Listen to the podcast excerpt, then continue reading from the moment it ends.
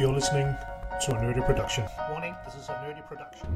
Det her er GM Workshop. Mit navn er Jakob, og i denne serie vil jeg gerne snakke med Game Master og spiludviklere i hele verden, for at høre om settings, systemer og forskellige måder at være Game Master på, så vi alle sammen kan blive klogere på den hobby, vi elsker så højt. Husk at anmelde vores podcast i hvad end podcast app vi bruger. Så er der flere, der opdager os, og flere, der kan høre på os. Og ellers skriv til os på vores Facebook-side, GM Workshop The Podcast. Og så skal vi i gang med dagens afsnit. Roll for Initiative. Velkommen til Game Workshop. I dag skal vi endelig snakke safety. Og øh, det er noget, som vi har lovet sådan, næsten siden første episode. Og øh, jeg har inviteret Sebastian Nemeth igen, som også var med øh, tidligere, hvor at, øh, han snakkede om rollespil i moderne verden og horror osv. Og, og det er også lidt det, vi kommer ind på i dag også. Når øh, vi snakker safety, så øh, har jeg inviteret Sebastian, fordi at han har en masse meritter i forhold til det her øh, område, og har en masse gode erfaringer og mindre gode erfaringer omkring, hvad der er, godt og ondt i, i den her sfære. Men øh, først, som altid, Sebastian, så skal jeg jo lige introducere dig, og så kan du eventuelt lige prøve at fortælle lytterne, hvorfor at du har de her meritter, og hvad, hvad der, der gør dig til vores øh, safety-mand i det her tilfælde. Man kan sige, at jeg har øh, arbejdet med safety på forskellige øh, niveauer og i forskellige kontekster.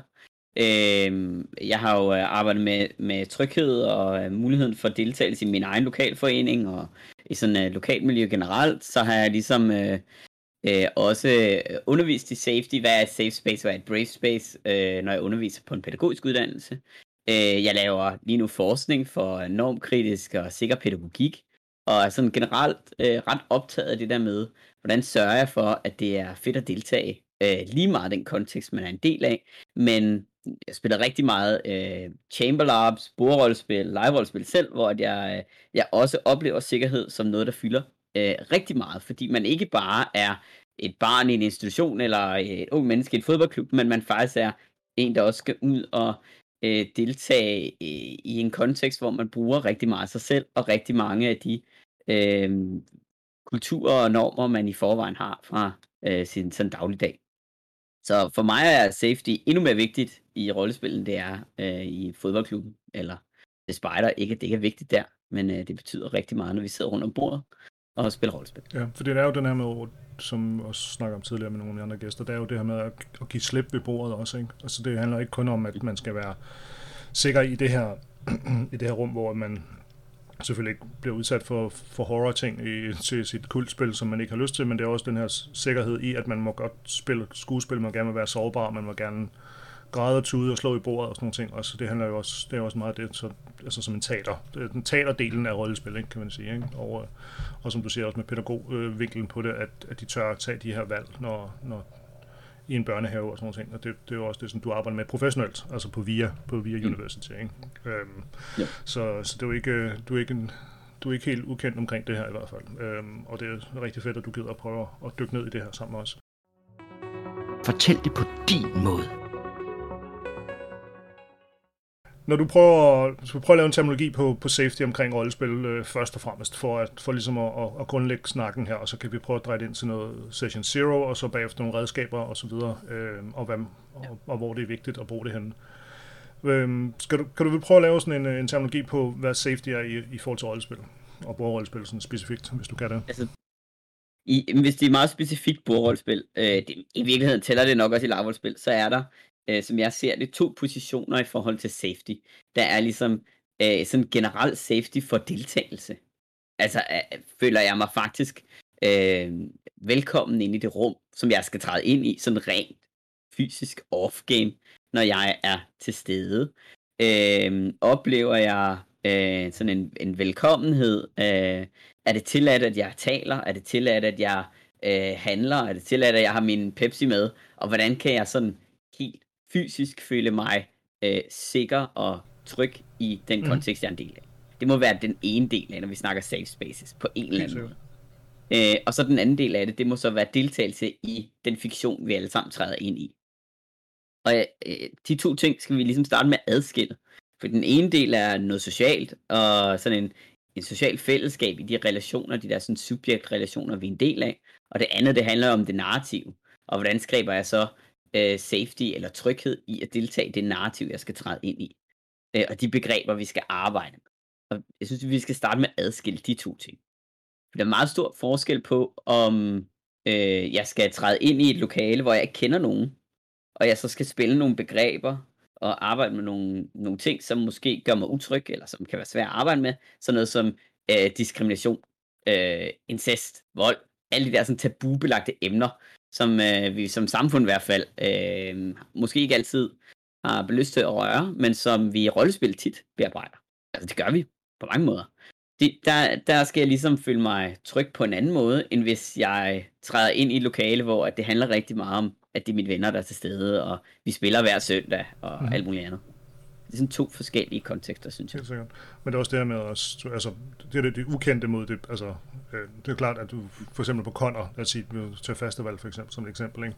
der er det rigtig vigtigt, at man, ja. man har nogle rammer der, som der er sikre, at man kan, kan skære ud, og måske ikke bare kun snakke om tabu, tabu-ting, men også bare, bare kunne skære ud og være, være den rolle, som man bliver, bliver sat i på, på mange måder, men også, som du siger, i sin almindelige rollespilsgruppe, er det jo også vigtigt, at man har et, et, en, en norm i forhold til, hvad, hvad, hvad, hvad vil vi her i, i rollespillets rammer, i forhold til safety også, ikke? Hvad for nogle ting rører vi ikke ved? Altså, vi rører ikke ved babyvold, eller øh, noget, som vi to har spillet, hvor vi har, hvor, øh, det har været øh, snuff-porn, ikke? Øh, det har du, øh, det gider du ikke mere af, og sådan nogle ting, ikke? Altså, Nej, blev lidt træt det. men det er sådan en stående joke. Men, men ja, det er jo, øh, men det er jo rigtigt, at man, man skal prøve at finde nogle rammer, som der passer til, til det niveau, man også vil spille i også, ikke? Og, og så synes jeg, jeg kan rigtig godt lide, når jeg selv arbejder med safety, at øh, der er den der øh, øh, tilknytning, som sådan hedder safety øh, eller safe og brave, som sådan at hænger sammen. Og i pædagogikken siger vi også, at jeg skal have tillid til at kunne handle, for overhovedet ja. at kunne handle. Så jeg kan trykke i, at der er tillid til mig, så kan jeg ikke handle. Og, og den hører jo til lige så meget i rollespil. Hvis jeg ikke føler mig tryg inde i rummet, så, så bliver jeg ja. handlingslammet. Så, så har jeg ikke mulighed for at være deltagende ind i den, hvad end aktivitet vi leger med. Øh, så på den måde, så er der et stort behov for den der sådan tryghedsoplevelse hvis vi skal være ligeværdige ind i et rollespil. Men altså, hvis man gerne bare vil solo køre, jeg kender nogle spillere, der bare gerne vil høre dem selv, man jo bare sørge for, at alle de andre er utrygge. Så kan man jo solo køre sit spil. Så påtager sig rollen som, som Game Master, når du vil prøve at, at sørge for det her, mm-hmm. de her rammer for, for eventuelle spillere. For det er jo tit, der er sådan et, et, sådan et sådan uagtet hierarki, når man, når man sidder ved et rollespilsbord og øh, hvad nu, Evan Tornert, som jeg snakkede med tidligere, han har det her BDSM-begreb, som han sætter på Game Master nogle gange, ikke? Øhm, specielt når det er sådan, ja, mere klassiske ja. rollespilsnormer, som, som Dungeons Dragons og sådan ting. Ikke? Og jeg synes, det er en virkelig fed analogi, for det er jo den her, øh, at det er også lidt os, der er chefen ved bordet, altså ofte i hvert fald. Ikke? Altså det er også sådan, der tit er os, der kommer med scenariet, os, der kommer med systemet, med, med rule mastering, øh, har en, en anden plads omkring bordet bag en skærm, eller bag en computer, eller i hvert fald i, for enden af bordet, eller sådan noget på en eller anden måde. Ikke? Så, så vi, vi påtager os jo en rolle i altså de rent fysiske rammer, og på den måde også kan, kan, sætte nogle, kan sætte nogle normer for, hvor hierarkiet skal ligge hen, og hvor en spiller så kommer ind i rummet og skal være en del af det hierarki. Øhm, hvad tænker du med, med safety der i forhold til, til Game Master-rollen rollen specifikt øh, omkring bord? Hvad, hvad, hvad er dine erfaringer med det? Jeg synes jo faktisk, det er ret problematisk, at det altid er min game master, der skal styre øh, sikkerheden omkring øh, bordet, og hvordan man er inde i ja. rummet. Fordi det er altså ikke altid, at min game master er et menneske, som er sådan generelt er særlig god til at gribe ind i de greb. at, jamen det er, at man kan være sindssygt dygtig game master, men være ret mm. dårlig til at skabe et socialt rum, som alle kan træde ind i. Ja. Men derfor så må det stadigvæk være Game Masters ansvar at sørge for, at vi i narrativet og i spillet har nogle øh, nogle faste rammer og har aftalt, hvordan vi alle sammen kan deltage, og at vi alle sammen er trygge ind i spillet. Det andet, sådan den sociale aspekt af det, det må være sådan en fællesskabsoplevelse. Men, men i forhold til det der med at træde ind i spillet, at man ligesom alle sammen øh, er enige om, hvad vi skal spille, og at man føler sig trygge ind i den kontekst, det, der må ligge noget af det ansvar, og en del af ansvaret hos Game Master. Og jeg har sådan et, et eksempel, vi har jo talt om det tidligere, øh, du og jeg, Jacob. Jeg havde en Game Master, mm. som sagde, at han gad ikke at lave en Session Zero, og han gad slet ikke at snakke om tryghed med mig. Øh, det kunne han ikke se nogen grund til, for vi skulle bare spille Dungeons Dragons. Og jeg endte faktisk med ikke at spille med dem. Øh, fordi at, at jeg kan slet ikke være i øh, en Game Master, som ikke kan se, hvorfor det er vigtigt, når vi spiller Dungeons Dragons, og snakke om, øh, hvordan vi alle sammen kan synes, det er fedt at være med i, i selve spillet. Altså, fordi Dungeons Dragons ja. indeholder virkelig nogle af de her emner. Mm. som er ret tabubelagte. Jamen, det kan det i hvert fald gøre, i hvert fald. Altså, det kommer an på, hvor meget, hvor meget old school Dungeons Dragons uh, dungeon smashing ting, men det er jo også, handler jo ikke kun om tabu ting her, tænker jeg også. Det handler jo også bare om det hierarki ting. Altså, nu tager jeg meget Shusugi hatten på, men altså bare for at, at forstå, hvor, hvor man er som, som spiller hen, og så hvad for nogle ting, man kan bringe med til bordet og sige, okay, men jeg kunne egentlig godt tænke mig at spille, lad os bare tage Dungeons Dragons termer, jeg vil godt tænke mig at spille Goblin Wizard, kan, kan det passe sammen med det her, ikke? Mm. Og, og, og så når, hvis Game Masteren så har et, et sådan et smørke grin på, eller øh, så, så ryger meget usikkerheden i, hvor man som rolle altså vi to har prøvet masser af gange, hvor vi har haft roller, eller vi har haft en anden snarere idé, eller koncept, eller en anden ting, og så præsenterer for sine spillere, og så kommer spilleren tilbage og siger, jeg vil godt til mig at spille det her. Og så tænker man bare, jamen det her passer bare fucking helvede til den rolle der, altså, og, og gør det på en ordentlig måde, så man får det der safe space, du siger, som, som der er så vigtigt i, i, i den her præ, altså præ-narrativet, kan man sige, ikke? I, i den her forståelse. Men, og så man så putter de her tabu-ting ovenpå, altså, mm. hvor det kan være med race-ting, altså, så, øh, eller seksuelle ting og sådan nogle ting, så kan det blive endnu mere avanceret for dig. Ikke? Man kan sige øh, sådan helt så. klassisk Dungeons Dragons, øh, hvor man skal ned i en grotte, slå noget ihjel, og vi bare slår nogle terninger. Øh, der kan faktisk stadigvæk øh, være nogle samtaler, som er ret upassende rundt om et bord. Eller øh, være nogle emner, som bliver bragt op, som det ikke er alle, der synes, der er fedt, vi sidder og snakker om. Øh, så der er stadigvæk brug for, at man på en eller anden måde får rammesat, jamen, når vi skal ned i en grotte og slå på ting, øh, er det så okay, hvis jeg spiller barden, at jeg har lyst til at bolle alting?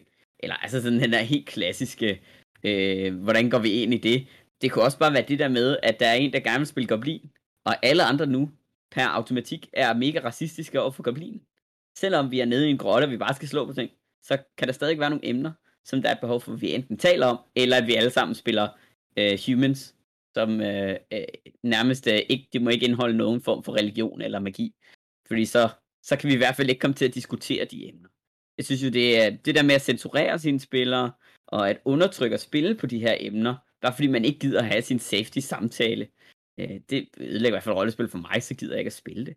Fordi jeg har jo også lyst til at gøre plads til de der samtaler. Det, vi bearbejder jo helt vildt meget kultur igennem rollespil, men det skal gøres på en sikker og ordentlig måde. Og det kan man ikke gøre, hvis man som Game Master siger, jeg vil bare så drager ihjel. Så kan du lade være med at med. Jamen, så gider jeg ikke være med. Ja, ja, for det er også det, som vi også prøver at snakke om lidt senere, det er med, hvordan man så sælger det her til, altså specielt sådan nogle gamle røvholder som mig, altså, og hvor jeg siger, okay, finder øh, nu har jeg spillet med min gruppe i 25 år, og vi ved fandme godt, hvordan vi skal spille rollespil og sådan nogle ting, og så vi gider fandme ikke at snakke om, hvordan vi så kan gøre det til næste gang, ikke? Øhm, og, og den her Session Zero kommer så i spil der, ikke?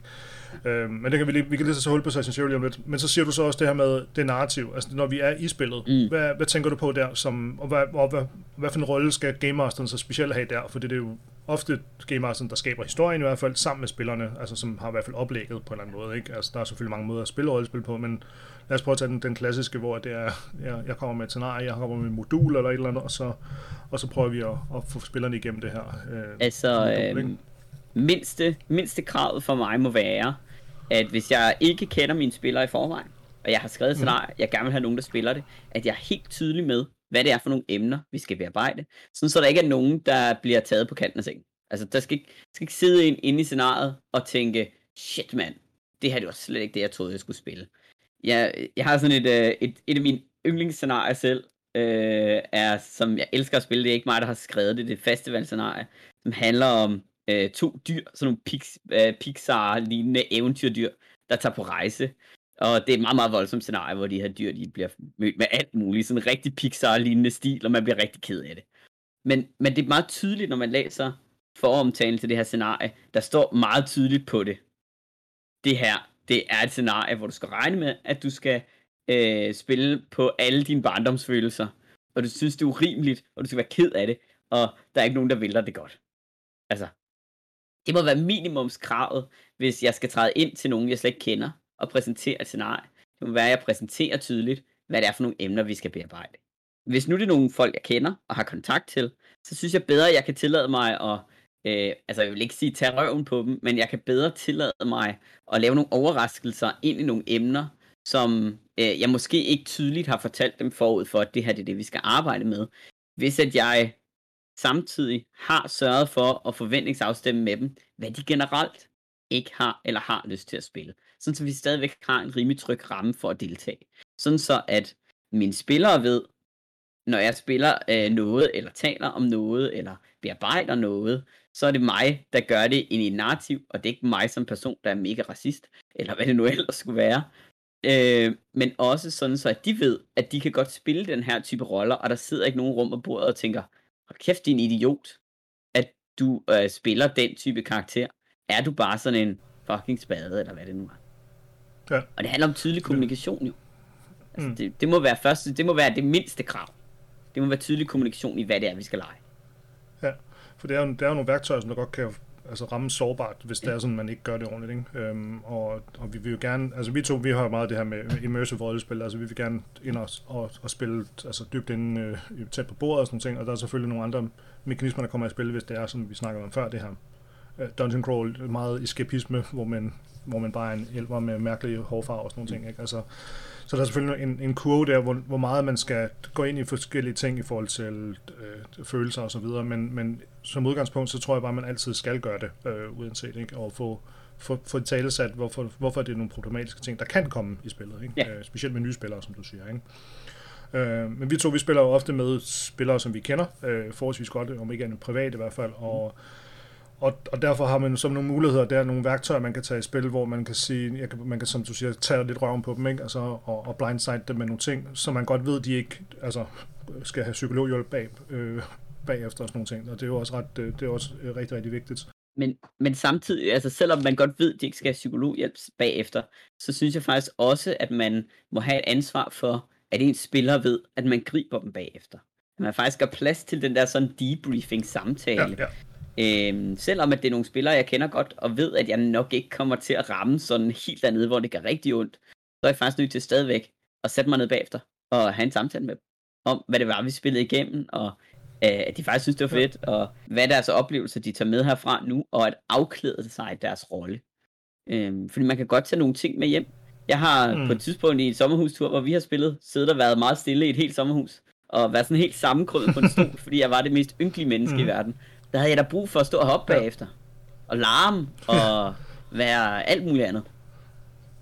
Stakkels Samuel. Ja, som var helt krøllet sammen i hjørnet, altså. Ja, Øhm. han, var, han gik rigtig meget i stykker. Øhm, og det var jo også, og det i samme kampagne-ting, som vi kørte nogle, vi to kørte sammen som co-game master, mm. der, der lavede vi, tog vi også lidt røven på spillerne her, hvor de har lavet en horror-kontrakt, og vi har fortalt dem en masse ting, øh, hvad der kommer til at ske, eller hvad der muligvis kommer til at ske, og vi vil tage forhold til nogle ting, og der var en af de her ting, hvor de siger, at, at de ikke vil se øh, vold mod, øh, altså at de vil ikke opleve vold mod, øh, mod børn og sådan nogle ting. Og, og så fik vi dem faktisk derud at sige, at deres roller var dem, der skulle lave vold mod børnene i stedet for. Ikke? Altså, så vi lavede sådan nogle lidt... Vi, vi, vi gik i hvert fald på en fin knivsæk der, os to i hvert fald, i forhold til det. Ikke? Og derfor greb, og så sad vi så bagefter og greb de her spillere rigtig meget, og vi snakkede rigtig meget. Jeg tror, det var en time, vi sad og snakkede, da vi spillede sluttede ikke? omkring de her ting. Men der havde vi også, altså man kan sige, øh, jeg synes jo hårdkontrakten er rigtig lækker, men jeg synes ikke, den kan stå alene. Øh, Nej, fordi at, Nej, at den giver mig nogle pejlemærker for, hvad det er, mine spillere helst ikke vil spille. Men den giver mig altså også nogle muligheder for, okay, hvis jeg så vil involvere det her, fordi det øh, giver mening i den fortælling, vi skal fortælle, så må jeg give mine spillere nogle outs. Altså man kan sige, at de her spillere havde jo nogle outs, de havde mulighed for ikke at gøre det flere gange. Mm. Ja, ja, ja. Og, og det bliver ret tydeligt i løbet af spillet, hvad det er, de skal. Og man må også lægge nogle pauser ind, hvor spilleren har mulighed for at trække vejret, og vi lige sådan kan øh, øh, få sådan en fornemmelse for, en vurdering af, er det egentlig stadigvæk sjovt? Og lige høre, hvad snakker de egentlig om? Og det kræver faktisk også, at man, når man er GM, mens der er pauser, at man sådan lige stadigvæk er lidt sammen med dem. At man ikke bare går ind for sig selv og lige øh, øh, sover en halv time. At man faktisk lige finder ud af, jamen, øh, hvad er det lige, vi snakker om nu? Og hvad er stemningen? Og er det stadigvæk fedt at være her? Og det, og det er jo også derfor, jeg synes, det er urimeligt Ja, ja, at lægge det ansvar på GM, men det er, jo, det er jo det, rollen er.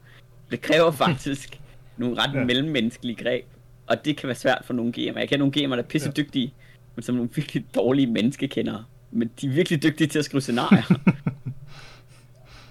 Ja, og fortælle en historie sådan i, i de grundlæggende rammer i hvert fald. Men, men det er rigtigt, det, er jo, det, vi, det vi gjorde den, øh, den lørdag der, det var jo, at vi øh, de, de stod rimelig klar for dem rimelig tidligt på formiddagen, og vi spillede så frem til om natten. Mm. Øh, det var sådan ret langt scenarie, vi spillede. Og, og det stod ret tidligt klart for spillerne, at det var den vej, det gik på et tidspunkt, at den her datter af en af de andre spillere formentlig også skulle samme vej, som altså skulle offres til den her engel, det er sådan for at sådan skære lidt ud. Men så, så, så derfor havde jo altså bare snakken om det alligevel løb det selvfølgelig koldt ned ryggen på spillerne og sådan nogle ting, fordi at der var nogle af dem, der er forældre og sådan nogle ting. Men, men vi havde masser af pauser undervejs. Vi havde en frokostpause, vi havde en eftermiddagspause, vi havde en aftensmadspause, og vi tjekkede op på spillerne, også to hele tiden, og få, få en afvejning af, og, og de snakkede om det flere gange jo, og, og syntes, det var fedt, og da de så endelig skulle gøre det, så havde de jo også masser af mulighed for ikke at gøre det. Altså, de havde jo også mulighed for at sige, nope, og der var også masser af spillere, der bare sige, spillerne havde jo også rig mulighed for at sige, okay, fint nok, jeg kører lidt på tanken de næste halvanden time, øh, og min karakter er, tager ikke med ind i den her grotte, hvor de skulle så øh, offer den her øh, lille pige på 10, tror jeg det var. Sådan noget, tror Jamen, og vi havde egentlig også lavet karakterer, hvor at, øh, at det stadigvæk var et åbent valg. Det var ikke sådan, at mm. karaktererne var sådan nogle retfærdighedssøgende paladin-typer, hvor det Nej. eneste valg, det var slå det der barn i. Altså, Nej, det var det ikke. Det, det blev hele tiden ind i deres fortælling at tage det valg. Ja. Ja, og det, var det, det er også det, som det, det kan det her. Det er også mm. det her medie også kan, det er at man kan tage de her svære valg og snakke om dem i lang tid, ikke? og ikke bare sådan et, et, det var ikke sådan en split second øh, beslutning, at de skulle øh, tage den beslutning på 30 sekunder om, hvorvidt de skulle ofre et 10-årig barn eller ej. Ikke?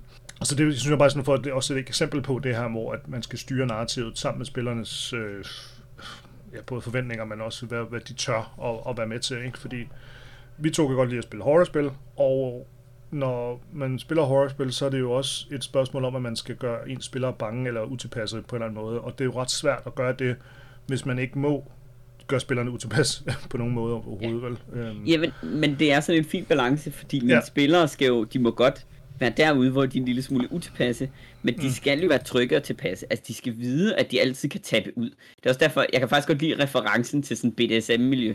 Øh, ja. Vi snakker sådan lidt om samtykke. Altså, det, det er måske sådan lidt plat og lidt, lidt frægt, eller på en eller anden måde at snakke om samtykke. Det handler jo ikke om sex, men det handler stadigvæk om samtykke, at man aftaler, hvordan skal spillet fungere, øh, hvad er det ligesom, som er vores rammer for, hvordan vi gør de her ting, hvordan kan man tabe ud?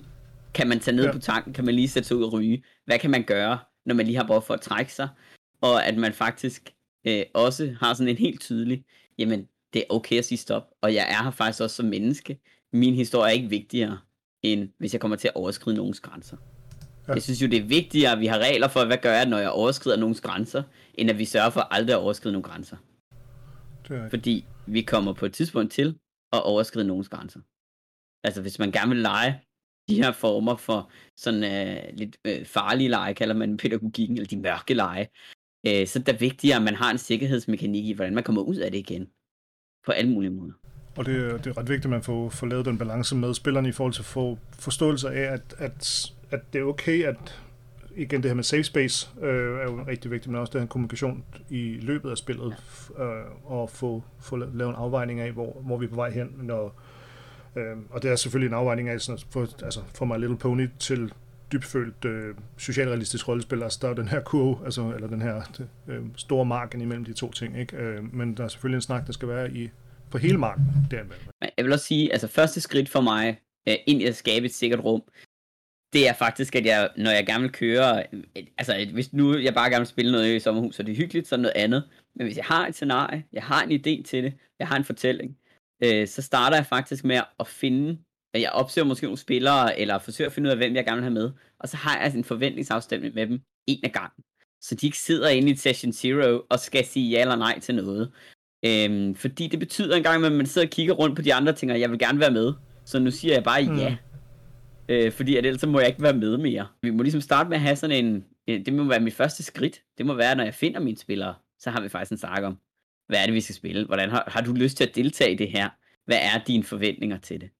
Og så må vi så ligesom øh, mødes til en Session Zero og have samtalen alle sammen. Ja, også den her, øh, om du er med i klubben, ikke? Altså, du spiser skovsneglen muligt, ikke? Ja. Øhm, og, det, og det er sådan for, for at få styr på, på hver spillers øh, grænser, grænseflader i hvert fald, ikke? Mm. om ikke andet. Øh, om ikke om det, altså i hvert fald grænsen, den er der selvfølgelig, men også en grænseflade, hvor det, når det begynder at blive farligt og ikke farligt. Øh, og, og jeg synes, det er, det er sådan en god point, det der med at tage, tage, tage folk øh, hver for sig øh, og, og snakke med dem, så man kan få nogle, øh, nogle forståelser af det også. Det er også derfor, jeg synes, at horror-kontrakten er et fint øh, sådan nemhedsværktøj fra start af at sige, det er en, man kan hurtigt kan sende ud til spillerne, et hurtigt afkrydsningsfelt, eller på en eller anden måde, der er nogle, bare en masse måder at gøre det på, øh, om consent og, og, og horror-kontrakter. Men det var for at sige, at så, så har man i hvert fald et eller andet udgangspunkt, og så kan man så pinge spillerne og sige, hey, der er nogle punkter her, som jeg er lidt i tvivl om, eller man kan snakke om det lidt dybere i hvert fald, og så har man, har man nogle sikkerhed på, og så kan man også hjælpe til Session Zero, når vi alle spillerne er der, og sige, de her ting, det rører vi ikke ved.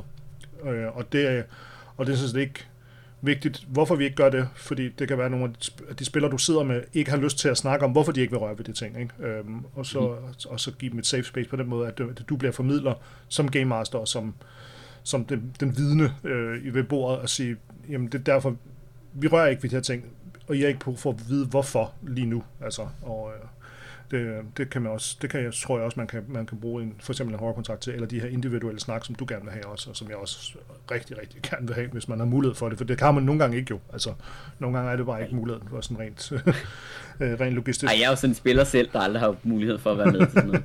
Det har altid tid. øh, men, øh, men det er jo det er sindssygt vigtigt, at vi, vi har en eller anden samtale. Ja. Jeg synes, øh, så er der også noget i, at når man så, altså når man har den der, nu har jeg ansvar for din horror-kontrakt, og vi ligesom på en eller anden måde har talt om, jamen øh, der er nogle ting, du ikke vil spille, og nu lægger jeg ud til spillerne, ikke som Jakob vil Nej. ikke, men som vi bliver nu enige om ikke at spille Ja. det her. Så har jeg også et ansvar for at sørge for, at alle spillerne får kigget rundt på hinanden og forventningsafstemt. Mm. Får givet hinanden samtykke til, hvad det er, vi skal lege, hvad det er, vi ikke skal Ja. lege. Altså efter jeg ligesom har sat øh, grundreglerne for rammesætning. Øh, et sådan rigtig godt eksempel, jeg har, er, at jeg lige nu kører en kampagne, hvor jeg har en spiller med, som er non-binær. Ja. Ja. Og det er faktisk rigtig rart, at der øh, ret hurtigt blev i talesat. Jamen, det er faktisk øh, det der med at komme til at sige øh, han eller hun, i stedet for de dem. Øh, det er rigtig ubehageligt, når man er non-binær. Men det kommer til at ske. Så hvad gør vi, når det sker? Ikke så meget. Vi kommer aldrig til at gøre det. Men hvad gør vi faktisk, når det så kommer til at ske? Ja. Sådan så, at alle ikke sidder med sådan en akavet stillhed, men at der faktisk er lavet nogle rammesætninger for, jamen, øh, vi, vi blev enige om, hvis det sker, så, så retter man Mm. bare. Så hvis nu der er en anden, som kommer til at sige det forkert, så retter de andre Ja. også bare. Altså, og det fungerer rigtig godt, fordi at, at vi har talesat det sammen, og har siddet og kigget på en anden og sagt, der skal være plads til alle i det, i det her. Ja, for det. Det er bare sådan. For det er jo svært også det der med, altså jeg ved så ikke, er det rollen, der er non-binær, eller er det spilleren, der er non-binær? Nej, det er spilleren, okay, der er og, non og, sp- og rollen spiller også en non-binær karakter, eller hvordan? Nej, det, det, det, er, det er en spiller, som er non-binær, som spiller en kvindelig karakter. Okay, så men som, øh, øh, kan man sige, repræsenterer ret maskulint i, i sit sådan fysiske fremtræden. Ja. Og, og det er der også nogle af spillerne, der synes, der er ja, svært. men det, Så det havde vi også lige ja, snakket men det, det er jo skide svært, også specielt hvis nu det, altså bølgerne går højt, og man diskuterer indbyrdes, og, og der er drama, og man skal skynde sig væk fra monsteret, eller whatever, jeg ved ikke, hvad I spiller, men, men for at sige, at altså, der kan være en masse ting på spil der, sådan der og, og hvis, hvis den her, den her spiller, som der er non-binær, kan gå ind og, og, og omfavne det og sige, der er ikke noget ondskab i det her, at du kommer til at sige han eller hun til mig. Altså, så er det jo også rigtig vigtigt for, for, for det safe space, som de andre spillere er i, at de ikke skal sidde og lave fejl, og igen det her med skuespillet og, og, og måden, at man, man arbejder med rollespillet på, sådan, på et helt sådan lav, lavpraktisk plan, er jo også, at du, du har det her safe space, og kan få lov til at slå i bordet, være sur og, og skrige, af, skrige af den her øh, karakter, som der er en kvinde, som der så har en maskulin, som der egentlig spilles af non-binær, så kan det virkelig blive, blive rodet for, for en, en opildnet diskussion. Ikke? Øhm, så det, det er så... Ja, og man skal jo, altså jeg synes jo, der skal være plads til, øh, både at man kommer med et udtryk øh, i sin, i sin sådan off-game personlighed, som der skal respekteres, og så man har en in-game øh, udtryk, som der skal respekteres, men også at vi laver fejl, og hvordan siger vi så undskyld, fordi, og du har helt ret, de andre spillere er også udtrykke ind i den kontekst, hvis vi ikke har Ja. talt om. Vi er nødt til på en eller anden måde at gøre plads til lige at tale om de der ting, som jo øh, ellers kommer til at fylde som sådan en elefant i rummet, vi ikke har snakket om. Ja, og man ikke tør at spille det pludselig, ikke? Øh, fordi man hele tiden er bange for at sige det forkerte ja. hele tiden. Og, og så kan det bare blive hurtigt en flad oplevelse for folk, hvis de ikke kan finde ud af at være altså emotionelle i et emotionelt rollespil, eller et immersive rollespil, altså, så, så kan det hurtigt falde lidt fra hinanden, og så kan man ligesom bare, okay, så kan vi bare spille noget Hero Quest i stedet for, ikke? Øhm, og, og, det, og det er jo det, man skal lige have, have, have hjælp hinanden med at forstå de der øh, ting. Men det er jo fedt, at der er den, det frirum, som I har lavet der. I, og det er jo et rigtig godt eksempel på, at øh, det der er brug for, fordi så er vi tilbage til det der safe spaces, brave spaces, altså der er brug for, at man kan tør deltage. at være. Øh, og det vil nok også være min salgstale, nu spurgte du mig tidligere, og det, vi skal tale om det senere, hvordan sælger man det til øh, gamle supermænd. Øh, altså min salgstale er, jamen hvis du gerne vil have spillere, der deltager, så skal du give dem mulighed for at deltage. Og hvis du gerne bare vil have spillere, der solo kører hver deres spil, så behøver du ikke give dem mulighed for at deltage. hvis man gerne vil have noget fedt samspil i gruppen, og have noget, et, en gruppe, der hænger sammen, så, øh, så er det i hvert fald et rigtig godt værktøj til det her. Det er det helt sikkert. Kæft, det var bare episk.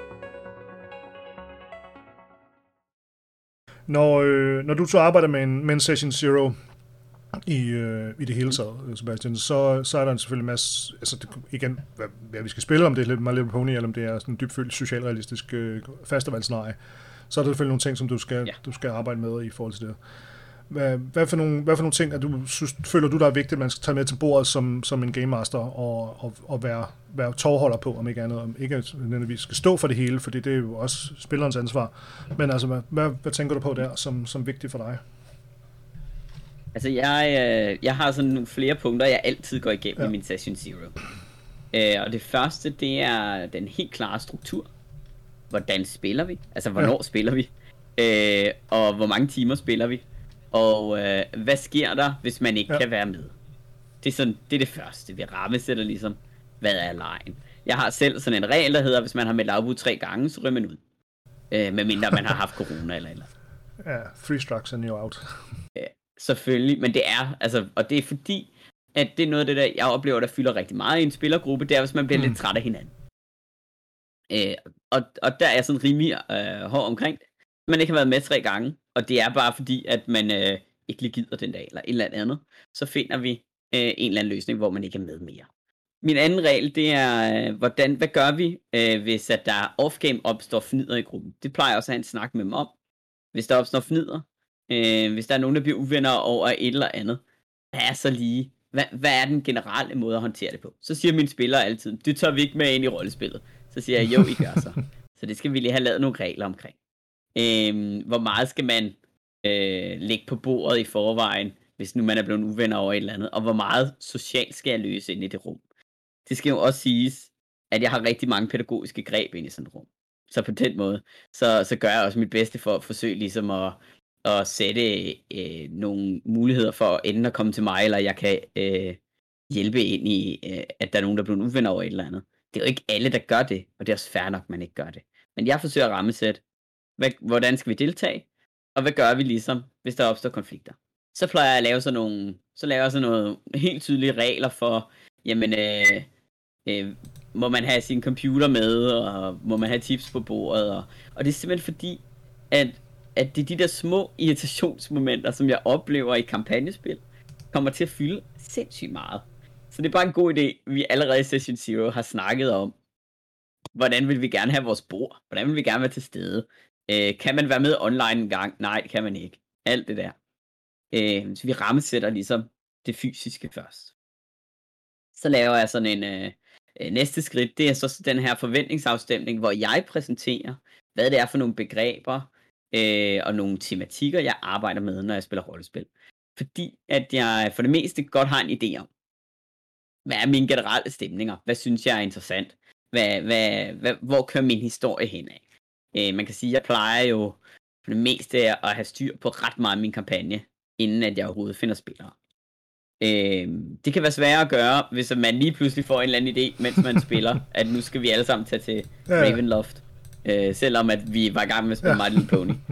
øh, og sådan er der jo nogle Game Master, der kører det. Så vil jeg anbefale, at man laver sådan nogle stop-up sessions, hvor man lige sådan siger, hey, jeg har fået en idé, jeg kunne godt tænke mig at køre den her retning, og så forventningsafstemmer ja. man der så har jeg sådan en samtale med dem om mine egne for, øh, forventninger til dem som spiller, og så har jeg sådan en, hvad forventer jeg mig som Game Master? Hvad for noget spil vil I gerne have ud af det her? Og der bliver det ingen samtale rundt om bordet, der bliver det en til en, hvor man tydeligt får sagt højt, hvad det er, man forventer af sin Game Master, og hvad det er for noget spil, man gerne vil spille. Og så del 2, det er så forventningsafstemningen i gruppen. Så må man kigge på hinanden og sige, øh, jamen, øh, hvordan øh, hjælper vi hinanden her, og Øh, hvad er mulighederne for øh, spil øh, internt? Øh, er der nogen, der har noget, de har lyst til at spille på, noget, der har noget, de ikke har lyst til at spille på, hvor man lige får kigget hinanden i øjnene. Men der har jeg allerede rammesat, hvis der er en eller anden, der er i forud for har fortalt mig noget, som vi ikke skal ja, spille. du har sådan haft de her snakke inden, som, du, som vi snakker om lige før, ikke? Øhm, og det ja. er også rigtig... Ja, men altså, og, og du men, men når du så prøver sådan at skaffe spillere til en kampagne, og, øh, og prøve at sælge en eller anden idé, øh, lad os sige, at øh, mig og øh, Nils, som det er vores to, øh, som du også kender jo, øh, at du siger, Niels og Jacob, øh, jeg har den her fede kampagne-idé, vi skal mødes hver lørdag, eller whatever, og spille øh, øh, den her kampagne, minikampagne i ja, Brameloft, eller whatever, ikke? Mm. så, så, så ligger du så ud til det og siger, det, er, det er nogle spillere, som du godt kunne tænke dig at arbejde med dem her, eller er det sådan mere, at du sådan, øh, er sådan lidt ligeglad med, hvem spillerne er, eller hvordan, hvordan fungerer det, det sådan for dig i dit, dit valg der? Ja. Det er vildt forskelligt. Øh, hvis nu jeg har lyst til at spille en kampagne, og jeg bare har lyst til at spille noget, så vil jeg jo bare kontakte de spillere, jeg har lyst til at spille med. Øh, hvis nu det er, nu er jeg i gang med at skrive scenarie til festival, øh, der har jeg jo så vidt muligt forsøgt at til at spille med nogen, jeg ikke kender. For det giver en anden oplevelse at spille. Det giver en helt anden oplevelse af, øh, hvordan flowet fungerer, og hvordan jeg kan styre narrativet med nogen, som ikke i forvejen kender mine strategier og mine måder at beskrive og forklare på. Øh, jeg balancerer nok ret godt imellem, har jeg lyst til at skabe spil for min vennegruppe, har jeg lyst til at skabe spil for min lokalforening, har jeg en eller anden vild idé, som jeg bare har lyst til at spille. Fordi hvis jeg, hvis jeg har et eller andet narrativ, jeg har lyst til at spille, så går jeg ikke på kompromis med mine spillere. Så hvis mine spillere siger til mig, at de ikke har lyst til at spille, øh, øh, det ved jeg ikke, øh, white boy, hvad hedder det, Proud Boys, øh, white supremacist øh, typer, og det er det hele mit scenarie ja. handler om af en eller anden grund, øh, så går jeg ikke på kompromis. Så siger det er det mit scenarie er. Så finder jeg nogle andre ja. spillere, og det er helt okay, så spiller vi noget andet på ja, ja, så, så tager vi næste, næste gang, der, der er plads i min kalender til noget. Ikke? Men jeg gør det jo meget tydeligt ja. også. Øh, hvis jeg ved, jamen der er nogle ting, jeg ikke vil gå på kompromis med, så øh, opsøger jeg måske nogle tilfældige mennesker, eller nogen, jeg sådan lige har set søge nogle spillere, eller, eller søger noget spil, eller et eller andet, og så øh, tager jeg derfra og beskriver, hvad det er, jeg gerne vil men, det er også, men det er også bare for mig at nysgerrig på, hvordan du så øh, sammensætter dine grupper. Men du siger så dermed, at du, du gerne har en mm. grundidé. Altså, at du vil gerne teste dit festivalscenarie, eller ja. du du vil gerne spille My Little Pony scenarie, eller du vil gerne spille noget kult, eller whatever, også uh, kampagnemæssigt, altså du vil mm. spille mm. den der Black Madonna-kampagne for eksempel, så tænkte du så reach det ud og sagde, okay, hvad for nogle af min, i min omgangskreds, hverken om det var på nettet eller ej, og så sige, ja. de her spillere kunne faktisk være rigtig fede til at køre det her. Uh, de kunne være voksne nok til det, eller og sådan ting. Jeg ved, du har kørt Black, Black Madonna, uh, den her kampagne, uh, ikoniske kampagne, uh, kult-kampagnen ja, i Black Madonna, og der tænker jeg, at du Øh, vi to spillede jo første kapitel sammen, hvor jeg var game master på det, og så, så overtog du så bare startede forfra på den, og så kørte du med nogle andre nogen, for du synes, det var, det var godt nok til dig i hvert fald i, i forhold til det med, med skrevne moduler. For du kan godt lide også skrevne moduler også, ved jeg. Øhm, og så... Øh... Ja, ja. Altså, jeg vil sige, jeg, jeg tror, jeg derailede 90% af det Black Madonna. ja, ja, øh, men det er sådan noget helt andet. Øhm, men, men da jeg skulle køre det scenarie, eller kampagne, det modul, øh, der valgte jeg det faktisk ud fra nogen, jeg kendte, som ikke havde spillet kult før, fordi det var en rigtig god måde mm-hmm. at mhm. introducere kult til dem. Øh, og jeg havde sådan en, øh, her vil jeg godt gå på kompromis med forskellige tematikker. Øh, det betød ikke så meget for mig, så det var okay, hvis der var nogle ting, de ikke havde lyst til at spille på, så, så modulerer ja. jeg det om til et eller andet andet. Men man kan sige, øh, nu kører jeg Curse of Strahd for tiden, fordi at jeg også synes, det er et sjovt modul at spille. Øh, og der, hvis nu der var en spiller, der sagde, jeg synes vampyrer er mega nederen, så måtte jeg sige, så, skal du ikke, altså, så finder vi en anden spiller. Fordi så synes du ikke, det her det er sjovt, jo. Altså, der er ikke nogen grund til at tvinge nogen ind i en kontekst, som de ikke synes er sjov, og jeg heller ikke synes er sjov. Så, så kernebegreberne kan man jo ikke gå på kompromis med. Øhm, man kan sige, øh, til mit festivalscenarie, der vil jeg ikke acceptere en spiller, der ikke har lyst til at spille på de tematikker, der er en del af det. Fordi det er jo et scenarie, jeg skal teste, inden jeg skal spille et festival. Øh, så der bliver det det, der er relevant jo tror, det er ret vigtigt. Det er jo ret vigtigt for dig, at du får testet det igennem, for det er et produkt, du skal levere til, til nogle andre, sådan, semi, sådan, sådan, i hvert fald til et rimelig professionelt uh, ja, audience, det. altså publikum. Ikke? Så det er ret ja. vigtigt, at vi får, får styr på de ting, og du skal jo selvfølgelig vinde, festivalprisen og sådan nogle ting for det. Og sådan nogle ting. Nej, det skal jeg ikke. Så skal jeg op og stå på en scene. Det kan jeg ikke overskue. Apropos safety. safety rum. Der er du ikke... Uh, du kan ja. lave sådan en... Uh, ligesom de skuespillere ofte gør jo sådan noget, at, at der er en anden en, der går op og modtager prisen for dig jo. Så. Jamen det, det gør Ida. Hvis jeg vinder, så går Ida op. øh, det er sjovt, ikke? For jeg kan stå og forelæse i 6 timer streg. Jeg har ikke noget problem med. Jeg kan stå i et auditorium med 500 ja. studerende. Whatever, jeg tager ja. den. Men det der, det kan jeg ikke. Det er sindssygt ja, ubehageligt. Det er, det er også mærkeligt. Øhm, ja. Så. Nej, men det var, det var sådan set meget god øh, sådan et, et oprids med, øh, med Session Zero, og vi snakker også lidt om de her redskaber, som du, øh, du prøver at, at få, få i spil, når du, når du laver det her. Og øh, omkring med opbrug og øh, oplæg til roller og sådan noget spillere og historie, det har vi sådan rørt ved en lille smule ved. Og, øh, og, og der er det jo sådan, altså vi to kan jo godt lide det her med, at vi ved sådan nogenlunde, hvad spillerne vil før Session Zero i virkeligheden. Ikke? Og ofte, der skriver vi også roller til, til vores spillere øh, i en eller anden form, i hvert fald nogle benspænd om ikke andet, eller nogle ting. Altså, det er ret sjældent, jeg, at jeg skriver, eller jeg siger sådan, hey, skal vi spille et eller andet, og så at de bare må vælge præcis, hvad de har lyst til inden for den, altså, øh, inden for de ting, der er. Jeg vil gerne prøve at have, have en lille smule tov på det, fordi jeg vil gerne have karakteren til at passe ind i historien, og historien skal passe ind med spillerne og sådan noget ting. Så det er jo også noget, som du også kan lide, ved jeg, øh, i, sådan, i, i de fleste, fleste tilfælde i hvert fald. Jeg ved, du kører øh, en, en online-gruppe lige nu omkring øh, Forgotten Realms, og, og der gjorde du lidt ikke, der gjorde du lidt ikke det her jo. Der, lød spillerne, der ved jeg i hvert fald, at spillerne havde, havde rimelig frie valg omkring det her. Men hvad, hvad vil du helst have i virkeligheden, når du, når du laver en, en Session Zero? At, øh, at du ved, hvad spillerne kommer med af roller? Jeg kan godt lide at have sådan en eller anden idé om, øh, hvad det er for en fortælling, mine spillere er øh, interesseret i. Men jeg vil, jeg, jeg, jeg har faktisk lige haft en spiller, som øh, hoppede ud af min kampagne før jeg startede, øh, fordi jeg ikke gider at have præskrevne roller. De kommer med inden Session Zero. Hvis de allerede siger, at jeg vil spille barbar, og jeg vil spille det her koncept, og jeg har lavet det, øh, så, må jeg, så siger jeg, jamen, jamen det, øh, det kan jeg jo ikke sikre, at du får lov til. Fordi vi er nødt til at have en gruppe, der virker. Og vi er nødt til, at ligesom alle sammen synes, det er fedt at spille. Det er egentlig, jeg, jeg synes, det der med, med spillere, der kommer med fulde koncepter og fulde oplæg inden, øh, de, de skal skrive en bog eller et eller andet sted for. Altså, jeg kalder det sådan lidt, med, med sådan et lidt ulækkert ord, eller jeg ved ikke, om det er ulækkert. Jeg kalder det sådan lidt onanispil, fordi det, så vil man jo bare sidde og onanere i hjørnet. Altså, det er sådan lidt, ja. jamen, altså, hvad er pointen så? Hvis man har sin helt egen fortælling, og det her det er kun det, man vil, og så har man jo ikke lyst til at spille sammen de andre. Øh, Nej, men det er også det, vi har. En af vores fælles øh, venner jo, hun, hun har i hvert fald den tendens til med, at, at hvis hun skal spille eller andet, så skriver hun gerne sådan noget, en, en 10 sider eller sådan noget, ikke? Øh, ja. Og så er det det, hun vil spille ud fra, ikke? Og det, det er jo også, ja, jeg synes, det er skide svært, det der med at få, få afpasset spillernes øh, lyst ind i en rolle, for det handler jo også om, at de har lyst til at spille rollen, ja. men hvis de ikke... Så jeg må jo motivere dem, og de skal have lov til at medskabe, og have noget autonomi ind i det der, de gerne vil. Mm. Øhm, ja. Det kan jeg jo skabe på alle mulige måder, men det tror jeg ikke, jeg skaber, at de får lov til at skrive 10 sider. Øh, som de så derefter afleverer, og så er det så den rolle, de spiller. Fordi så bliver det sådan en lidt mærkelig kampagne, hvor jeg skal forsøge at få nogle karakterer sammen, som på ingen måde giver mening at lægge sammen. Det er sådan det helt klassiske vampire-koncept, hvor alle har lavet hver deres karakter. Ja, ja, ja. Og så skal jeg på en eller anden måde forsøge at få det til at fungere. Og det bliver altid sådan noget, prinsen siger, at I skal slå en varulv ja. ihjel, fordi ellers så ved jeg ikke, hvad jeg skal gøre nærmest. Altså. Jamen, det er også det, som ja. der er det nye, øh, jeg snakker med Freja her, og, og hun er med, medforfatter på, øh, på, på Vampire 5th Edition, og noget af det, jeg roste det, det, det system specielt for, det er jo det her med, at, de, at man skal sætte sig ned og lave gruppen først.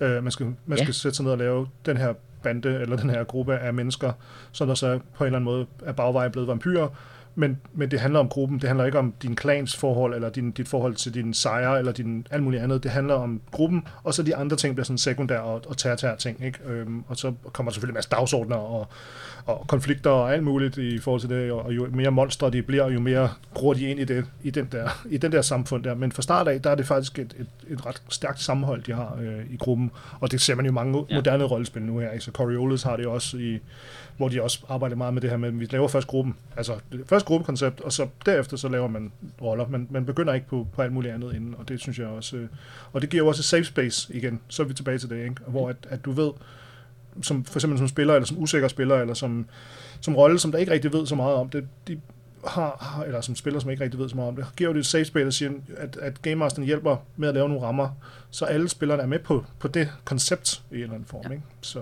det synes jeg også er rigtig vigtigt at have med. Men, men det synes jeg så også gælder som, som Game Master. Ja. Øh, altså, jeg kender også Game Master, som kan finde på at aflevere 10 siders karakteroplæg til hver deres ja. spillere. Øh, og man skal også som Game Master passe på, at man ikke har den der sådan overmægtige position, hvor man er subjektet, og de andre er objekter for ens fortælling nærmest. Fordi det er der, ikke nogen, der, der er jo heller ikke nogen, der synes, det er sjovt. Øh, jeg har heller ikke lyst til bare at være en PC i en eller anden Game Masters univers. Det har jeg prøvet nok gange. Så, så der må også være sådan en eller anden respekt for, at mine spillere også skal have lyst til at co-create, og skal synes, det er fedt at deltage i ja, det her. det er det. Og det kræver også rigtig meget sådan safety, og at man faktisk kan, kan gøre plads til, at alle kan beskrive deres øh, idéer og interesser, og hvad de synes er fedt. Øh, der er det der med, at øh, der kan være nogle spillere, som kan fylde rigtig meget, og som kan være meget meningsdannende inde i sådan en gruppe. Og der må man også ligesom forsøge at gøre plads til de spillere, som også har noget på hjerte, men, men som måske faktisk ikke føler, at deres idéer er gode nok, eller der er plads til så må man også forsøge at rammesætte, at, at spillernes øh, sådan greb ind i deres roller bliver hørt, mm-hmm. og de faktisk også føler, at deres karakter kan shine og er fed på en eller anden måde. Kan noget fedt. Og derfor synes jeg også, det er vigtigt, så er vi tilbage til forventningsafstemningen, øh, at man får sagt, jamen hvad er faktisk fedt med min rolle? Jeg har sådan et live-rollespil eksempel, fordi nu skal jeg til et live-rollespil nu her, og jeg skal spille sådan en øh, Paris Hilton-lignende øh, himbo-type, som bare er dum og pæn og spiller fodbold. Ja. Det, det er min karakter, jeg, jeg glæder mig rigtig meget. Men så har jeg faktisk brug for at have kigget på alle de andre spillere, eller i hvert fald snakket med dem om, jamen, hvad har jeg behov for at blive spillet op? Fordi ellers så får min karakter ikke den der mulighed for at shine. Nej. Og jeg skal nok sige det højt, for jeg larmer rigtig meget. øh, men der er helt sikkert andre til det her scenarie, fordi at der ikke er blevet lavet en særlig tydelig... Altså, jeg har lavet nogle workshops, fordi så hijacker jeg det jo bare. Men, øh, men der er faktisk ikke lavet sådan nogle muligheder for, at vi kan se hinanden i øjnene og lige tale om, jamen, hvordan kan jeg spille dig op, som er sådan lidt forsigtig over hjørnet? Fordi det skal der også være plads til. For ellers så har vi ikke, vi har ikke et safe space, før alle er trygge ved at kunne deltage i en live. Og det er lige meget om det er live-rollespil eller bordrollespil. Vi kender dem også til bordrollespil, jo. De der spillere, stille. som falder sådan lidt i med væk. Ja, lidt stille, ikke? De skal også have plads til at shine. Og vi skal også have fundet ud af, hvordan giver vi dem den plads og den mulighed. Og det er jo altså, det er også den her altså, afvejning sådan med spillertyper og sådan nogle ting, skal man jo, kan man også gå ind og kigge på, men det er en anden snak i dag. Men ved nu, vi, vi skal i hvert fald prøve at være, være lidt mere skarpe på, på, hvordan vi kan hjælpe spillerne til at, at, at føle sig trygge, og det kan man gøre enten ved, at man altså, hjælper dem med at lave gruppedannelsen, eller man kan lave dem med at lave øh, altså skrive, hjælpe med at skrive rollerne, eller snakke om dem, selvfølgelig, som vi siger hele tiden, der med at snakke med rollerne inden, eller snakke med spilleren inden med Session Zero, og, og det, det, tror jeg er nogle rigtig, rigtig fine redskaber at have, have hjælp til. Men også, du siger der med, at, at det er også rigtig fint, at man ikke bare giver spillere en 10-siders baghistorie, mindre det er, sådan, er som i baggrundshistorie, så fordi man for eksempel spiller, lad os sige, 200 gamle elver, så man har ligesom oplevet en masse ting. altså, så det er kun baggrundshistorie, det er ikke, det er ikke en rollebeskrivelse, altså på den måde. Ikke? Altså, du har en masse viden, som, som du skal have som, som rolle. Øhm, øhm, eller hvis du skal spille vampyr, som der har levet 800 år, jamen, så ved du en masse ting, og har en masse kontakter, eller whatever. Ikke? Altså, så er der en masse ting, du er nødt til at, at give spillerne på den måde. Og, og, det, og det er selvfølgelig, hvad, kommer an på meget på, hvad man spiller jo af det hele taget. Ikke? Så, øh, men det der med, at du ikke laver, som du siger, ikke laver en NPC-rolle til, til dine spillere, som de bare skal spille i, i dit skuespil, ikke? så er også rigtig vigtigt at få, få afbalanceret det. Ja, jeg laver vigtige roller for tre af mine spillere, og så har jeg to spillere, der får lidt sådan nogle flade NPC-roller. Altså det, det har jeg også prøvet at være den spiller, ja. der bare fik sådan en femte rolle, fordi at, når jeg skulle finde på en, en karakter mere. fordi du, der var fem spillere, der dukkede op den lørdag. Ja. Øhm, og, det, ja, og det skal man jo bare være, være mere skarp på i, i det hele taget. Ikke? Nå, ja, ja, ja. Øhm, man skal bare være klar over, hvis man gør det ved mig i hvert fald, så kommer jeg til at dominere det spil. fordi at så kommer jeg til at larme rigtig meget, øh, fordi at jeg ikke har nok at spille på, og så, nå, så finder jeg bare på noget. Øhm, Gå ud og grave nogle spøgelser op for kirkegården, ikke? Eller hvad det var, du lavede. Nå ja, det var rigtigt. øhm, men, men også lidt problematisk jo. Øh, fordi at man kan komme til at sådan outshine hinanden, og alle skal synes, det er sjovt at være med. Og der synes jeg også, så er vi tilbage til safety, der skal faktisk også være mulighed for, at man som spiller kan sige til de andre spillere, hey, jeg synes det bliver for meget, eller øh, sådan der fungerer reglerne, hvis det ikke helt, eller... Så, så vi er også nødt til at lave et rum for, at spillerne kan tale med hinanden omkring de her ting. Og derfor ja. så er vi tilbage til Session Zero. Derfor bliver så surt, når der er Game Master, der ikke vil holde Session Zero. ja. Der er faktisk brug for, at vi også fortæller om, hvad gør jeg nu, hvis øh, jeg faktisk ikke helt tror, du har styr på reglerne? Altså, det er jo et af mine helt tydelige spørgsmål. Når jeg laver Session Zero, så spørger jeg mine spillere, når vi snakker om rammesætning, hvad gør vi med reglerne? For jeg kan ikke reglerne til 5th edition. Jeg prøver at kunne dem, men jeg kan ikke dem alle sammen. Så hvordan har I det med rule lawyering, og at der er nogen, der slår reglerne op og sådan? Og så får vi snakket om det. Fordi at der er faktisk brug for, at man lige kigger på hinanden og bliver enige om, hvordan håndterer vi regler. Fordi karakterkonflikt er fedt, spillerkonflikt er ikke fedt. Så. Nej, det er det. så, øh, jeg elsker jo karakterkonflikter. Ja, så kan man, så kan man bare læne sig tilbage i stolen og bare sidde og se spilleren sidde og skændes over øh, det, det kan også være sjovt. Nej, du får ikke nogen XP. Så skal vi prøve at kigge på, hvorfor vi... Øh, hvordan vi så sælger den til sådan nogle gamle sure mennesker, som gamle sure mænd som, som mig. Øh, og, øh, eller i hvert fald min aldersgruppe. Jeg tror, jeg er okay med på, med på beatet, og meget vogue og alt mm. muligt. Mm. Øh, men, men der er mange, som der ikke er det her. Og, og, og der er også mange, der sidder derude nu og, og lytter til det her, som jeg ved, dem der ikke øh, synes, at det er noget, dem, der, der skal bruges tid på. Øh, men, men for mig er det, er det i hvert fald, altså essentielt, specielt hvis jeg skal spille med nye karakterer, eller nye spillere, øh, så er det sindssygt vigtigt. Øh, Ja. Hvad, hvad, hvad synes du så, at man kan gøre det, så, så det et, et ikke bliver kikset og sådan meget iscenesat og meget ja, todimensionelt, ikke? Øhm, og sådan, som mm. jeg, brugt, jeg har skrevet over her, det overpædagogisk, ikke? fordi det kan jo også godt være noget, et, et, sådan et turn-off øh, af mange, som der bliver sådan meget, nu skal vi sidde i en rundkreds og, og holde hinanden i hånden og sådan nogle ting. Ikke? Hvad, hvad synes du, vi kan gøre der i, i forhold til det? Så jeg får tics af det der begreb overpædagogisk, for jeg synes ikke, der er noget, der er Nej, overpædagogisk, men det er så Du uddanner jo også, du uddanner jo også pædagoger, så det skal du sige. Ja. Øhm, jamen, hvis man er overpædagogisk, så er man ikke pædagogisk. øhm, men hvis jeg skal sælge det til nogen, hvis jeg skal sælge tryghed til nogen, så starter jeg jo med, mit argument vil altid være, at jeg, jeg vil så ikke acceptere, at der ikke skal være præmisser for, hvordan vi leger sammen. Fordi det skal der være. Altså, fordi hvis vi gerne vil have, at alle er med, og alle har en fed oplevelse, så skal vi alle sammen være enige om, hvad vi leger. Så, så på den måde, så synes jeg så ikke, det er præmis at sige, at der ikke skal være øh, safety. Og øh, hvis jeg skal være sådan lidt firkantet, så vil jeg sige, den Game Master, jeg havde, der sagde, at han ikke ville have en Session Zero, der vælger jeg jo bare ikke at være med. Hvis jeg så skal forsøge at overtale ham alligevel, jeg tror faktisk, det ville være svært. Men hvis jeg skulle forsøge at overtale ham alligevel, så vil min argument jo være, øh, om, man ikke, om han ikke også kan se mulighederne i, at vi faktisk kan arbejde med de der emner, som han har lyst til at spille. Altså vold, diskrimination, øh, religion, som jo er sådan de tre store begreber, der fylder meget, når man spiller Pathfinder. Hvis han, om han ikke har lyst til at arbejde med de begreber, så vil han nok sige, jo, for det er jo en del af at spille Pathfinder. Så jeg siger, ja, men øh, hvis nu, at øh, vi tog det til den moderne verden og spillede i københavnske gader, så vil der være brug for, at vi snakkede om det. Så hvad er det, der gør, at du ikke synes, vi skal snakke om det? Og prøv ligesom at åbne op for, jamen hvorfor er det, at, at det ikke skal være der? Hvad, hvad er argumentet for nej? I, mere end at forsøge at sælge ja. Altså, fordi hvis argumentet for nej, det er, jamen alle mine spillere synes det er fedt, og de har ikke noget behov for det, jamen så, så synes jeg ikke, de behøver at snakke om safety og tryghed. Hvis man ved 100%, min spillergruppe, de synes det er fedt, det jeg spiller, øh, der er aldrig nogen, der føler sig utrygge, de bliver aldrig uvenner, og det kører altid. Fedt nok. Så, så er der ikke nogen grund til at have en session zero. Altså, men, men det handler jo om, at man gerne vil bryde sin hobby ud. Man gerne vil gøre plads til øh, flere mennesker. Øh, man er interesseret i at spille med nogle flere, måske, end sine fem venner nede i kælderen. Øh, og hvis det er det, det handler om, så er man jo nødt til at sørge for, at alle har lyst til at deltage. Det er sådan mellemmenneskeligt.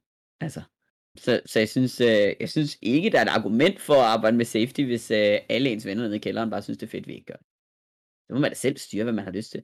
Samtidig så bliver jeg så også lidt ramt af de der Facebook-debatter. Fordi når så der er nogle gamle sure mænd, som sidder nede i deres kælder sammen med deres fem venner, der på Facebook skriver, jeg forstår ikke, man vil snakke om safety. Så kan jeg nok tænke, nej, for det fungerer for dig nede i din kælder sammen med dine fem venner. Som I har kendt Og i det er 20 fair nok. ikke? Som I har Men kendt det i 20 fungerer ikke for alle andre, så stop nu med at brokke dig. Altså, jamen, Ja, ja, for det er også det, sådan, lad, lad være med at blande dig ind i andres folks spil, altså på den måde. Men, Ja, og men, det er sgu da fedt, at vores hobby er blevet bredere, at vi har fået plads til flere mennesker, at der er flere kvinder, der spiller rollespil. Kæft, det er fedt, mand. At vi har fået plads til, at der er flere kvinder, der spiller rollespil. At der er flere mennesker med anden etnisk baggrund, der spiller rollespil. At det ikke bare er hvide mænd, der spiller Dungeons and Dragons for 80'erne. Altså, for det, det er jo, kan man sige, den demografi, der har spillet rigtig meget Dungeons and Dragons, det er altså hvide, vestlige mænd. Ja. Eller amerikanere, som spiller det på en helt anden måde, end vi gør. Ja, det er en helt anden Øhm, snak. Men, men jeg er cis, så- cis mænd, ikke? Altså, det er Ja. også det, og det er også det, som jeg har haft problemer med den her podcast, det er jo at, at få fat i nogen, som der rent faktisk ikke er cis mænd, og snakke med mig øh, på den her Mhm. podcast, ikke? Øhm, så, så det er også... For de skal jo, det, er jo, det er jo faktisk de stemmer, vi skal høre endnu mere.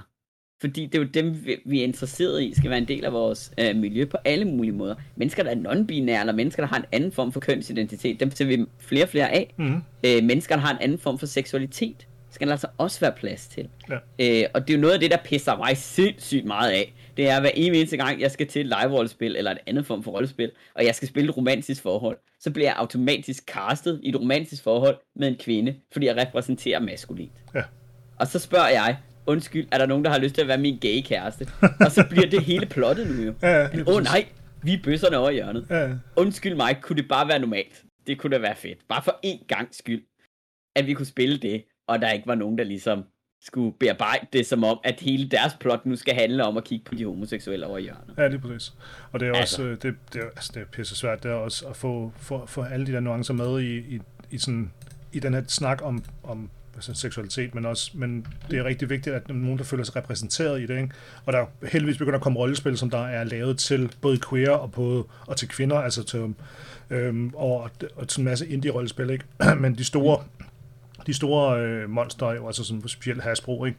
de er bare ikke særlig gode til det. Altså, det er jo, altså, altså 99% af alt det, de producerer, er lavet til sidst hvide mænd. Altså, øhm, der er ja, ikke... men der er så også et oversættelsesarbejde, som, som også må ligge hos Game Masterne i forhold ja. til i hvert fald at skabe tryghed for at deltage. Ja. Og det må jo være, at man, når man så spiller Dungeons and Dragons, at det ikke er alle kro-ejere, der er store, klamme mænd, og de ikke alle sammen har små piger, som er kro-piger. Altså, det er bare, man kunne jo lade være med at lave det setup hele tiden. Og at det ikke er alle elverpiger, der er lækre. Og at det ikke er øh, alle øh, prostituerede, som er sådan nogle damer, der står ude på gaden og råber om mændene. Øh, jeg har sådan et helt klassisk eksempel, fordi jeg var en del af en rollespilskampagne. Så præsenterer jeg min karakter, som er sådan en, øh, øh en kvinde, som aktivt skal ud og være ridder, for det synes hun er fedt. Og det allerførste spørgsmål, jeg får, da gruppen møder hinanden, det er, at der er en af de andre spillere, som øh, kigger på mig, og så siger han, jeg går ud fra, at det var indgame. Nå, hvad er du så? Er du jæger, eller er du horer? Og så måtte jeg sige, det var da et sindssygt upassende spørgsmål. Og så, øh, og så går han så off-game og siger, at der er ikke nogen grund til at blive fornærmet off-game, det var en in-game kommentar. Og så måtte jeg sige, men vi er faktisk ikke blevet enige om, at sexisme er en del af det spil, vi spiller. Nej. Altså, kvinder skulle gerne være ligestillede mænd, det er, det er de i hvert fald generelt i det her univers, vi sidder og spiller i. For vi spiller Pathfinder, og der er der ikke sådan en øh, undertrykkelse af kvinder i universet. Øh, og så bliver han fornærmet, fordi så bliver det sådan, nå ja, det var også bare for sjov. Men det er faktisk ikke for sjov. Det er en pisse nederen kommentar at komme med. Ja. Så hvis vi lige bliver enige om, der skal faktisk være plads til, hvis, hvis vi er interesseret i, at andre mennesker skal spille med, som måske ønsker at repræsentere noget andet end sidstkønnede hvide klamme mænd i en kælder. Ja. Altså, og det håber jeg, at de fleste mennesker har lyst til at spille alt muligt andet. Det, det håber jeg. Det håber jeg, ja. Altså, ja. altså.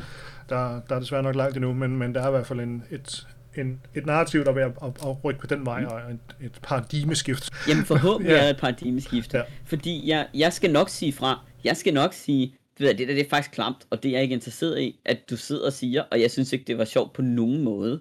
Men der kunne lige så godt sidde en 16-årig, sådan uh, helt forsigtig pige, der lige er trådt ind i rollespilsforeningen for første gang, og skal prøve at spille Dungeons Dragons, eller 14 år, eller hvor gammel hun nu er.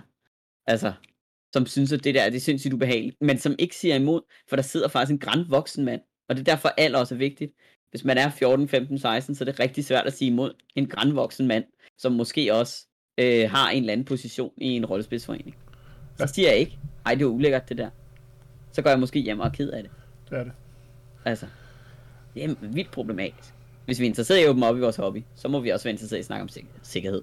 Ja, også. Og sikker deltagelse og tryghed. Jamen, det er sikker deltagelse, som jeg tænker på her. Ikke? For også, ja. og, og så igen det her diversitet, ikke? at du kan spejle dig i den mm. hobby, som du egentlig gerne vil være en del af. Ikke? Altså, og, og ikke, og ikke føler dig udenfor fra start af. Men, også, men, men jeg synes også, jeg synes også helt generelt, altså rollespils øh, publikationer og sådan nogle ting, skal også være mere, være mere med. Altså, øh, og mm. at når man som altså som kvinde eller non-binær, tager en bog ned for hylden i, i en rollespilsbutik og ser bladrer rundt i den og ser alle billederne af storbarmede kvinder med, med alt for lidt tøj på, og så store muskuløse mænd ved siden af, ikke? som der er dem, som der er den seje. Øh, og, og, og så kigger man så på de her billeder, sådan, okay, så troldkvinden, hun er smuk og har meget lidt tøj på at kaste på ildkugler, mens manden, han har med en stor rustning med det store svær, ikke? Mm. Så begynder der også bare at komme noget, noget problem i forhold til, hvad, hvad er det egentlig, vi skal spille her, der bare skal justeres i, i, i så mange steder i det her. Ikke? Øhm, nu skal vi to, vi skal spille øh, væsenrollespillet snart, øh, lige om lidt, og, og der har de jo sådan en, en passage i deres bog, hvor de skriver, at det er godt nok, vi er i, altså vi er med på, at vi spiller i 1800-tallet, men kvinder Øh, kvinder og kvinders øh, rolle i 1800-tallet var rigtig skidt i Europa, specielt i Nordeuropa, hvor kristendommen fyldte rigtig meget. Det er vi ikke her. Det, vi spiller sådan her i stedet for. Øh, og det er de sådan, har de meldt klart ud i forhold til det. Øh, og det synes jeg er rigtig sjovt, at de har gjort det, eller rigtig sjovt. Det, det synes jeg er rigtig fedt, at de har gjort det, sådan at, at hjælpe en Game Master på at forstå, det, at bruge det her, altså bruge rollespillet, men og så snakke med de spillere omkring for eksempel kønsroller og sådan nogle ting. Men det synes jeg var en rigtig, rigtig god gennemgang af, sådan, af Session Zero, og, og, og, hvordan du skal sælge det til, til gamle, til gamle surmænd i en kælder, som der måske skal starte en ny gruppe op, eller et eller andet. Ikke? Øhm, Ellers så skal de blive ved med at Ja. spille, men så skal de bare stoppe med øh, den der sådan Facebook-diskussion, som bliver ud fra et meget smalt narrativ, nemlig øh, det, der sker nede i vores kælder om onsdagen, eller hvor det nu er han. Altså, fordi jeg synes også, det er vigtigt, vi skal heller ikke censurere. Det, det er jo også problemet med de her diskussioner generelt, det er, at vi kommer til at censurere mm. øh, hvide mænd med liberale holdninger og synes, kapitalisme Ja. er fedt. Fordi de bliver sådan censureret hele den politiske debat. Det er da også problematisk. Altså, men, men der er bare forskel på, om jeg censurerer nogen, fordi at, jeg, at de har liberalistiske holdninger, jeg ikke er en del af, sådan neoliberalistiske holdninger, Ja. eller om jeg censurerer nogen, fordi deres Øh, fortælling er så smal, at den faktisk ikke har betydning for sådan den almene gruppe, der spiller rollespil. Og det mener jeg ikke længere, den der, øh, ja, vi har ikke brug for sikkerhed nede i vores kælder. Det, det, er ikke, det er ikke længere sådan repræsenterende for det brede rollespils Danmark. Øh, man kan sige, nu har jeg lige undervist på sommerskolen sidste år, øh, Bifra Sommerskolen, som er for arrangører, der laver rollespil, primært live-rollespil. Og øh, altså, jeg har, der var mennesker i alle mulige former for farver, der var lige der, og ville spille alle mulige former for D&D. Og nogle af dem, altså, var øh, klædt ud som elver en hel weekend, og syntes, at det var fedt. Og der var nogle af dem, der er furries, og der kom et ungt, dejligt menneske hen til mig og sagde, den eneste grund til, at de turde repræsentere sig kvindeligt på sommerskolen, var fordi jeg havde sagt til dem, at her er der selvfølgelig plads til alle. Og det havde jeg så sagt året forud for. Altså, det der med, at man har lavet et, et fællesskab der, hvor at alle arrangører er enige om, at her er der plads til alle, det fortæller altså også, at vi har et rollespilsmiljø, hvor der er brug for, at vi snakker om, at der skal være plads til alle, og alle skal føle sig trygge, og den brede demografi er ikke længere hvide mænd i en kælder. Det er det i hvert fald ikke i, i Danmark. Det er det måske stadigvæk i USA. Ja, det, det, det, det, det, det jeg skal snakke med, med Evan Thorne om her snarligt faktisk, og det, det glæder mig også til lige at, at dykke ned i sammen med ham, hvad hans syn på det er i forhold til det her med diversitet og rollespil og sådan ting, så det er også en af de spørgsmål, jeg skal kaste efter ham, når, når jeg skal snakke med ham.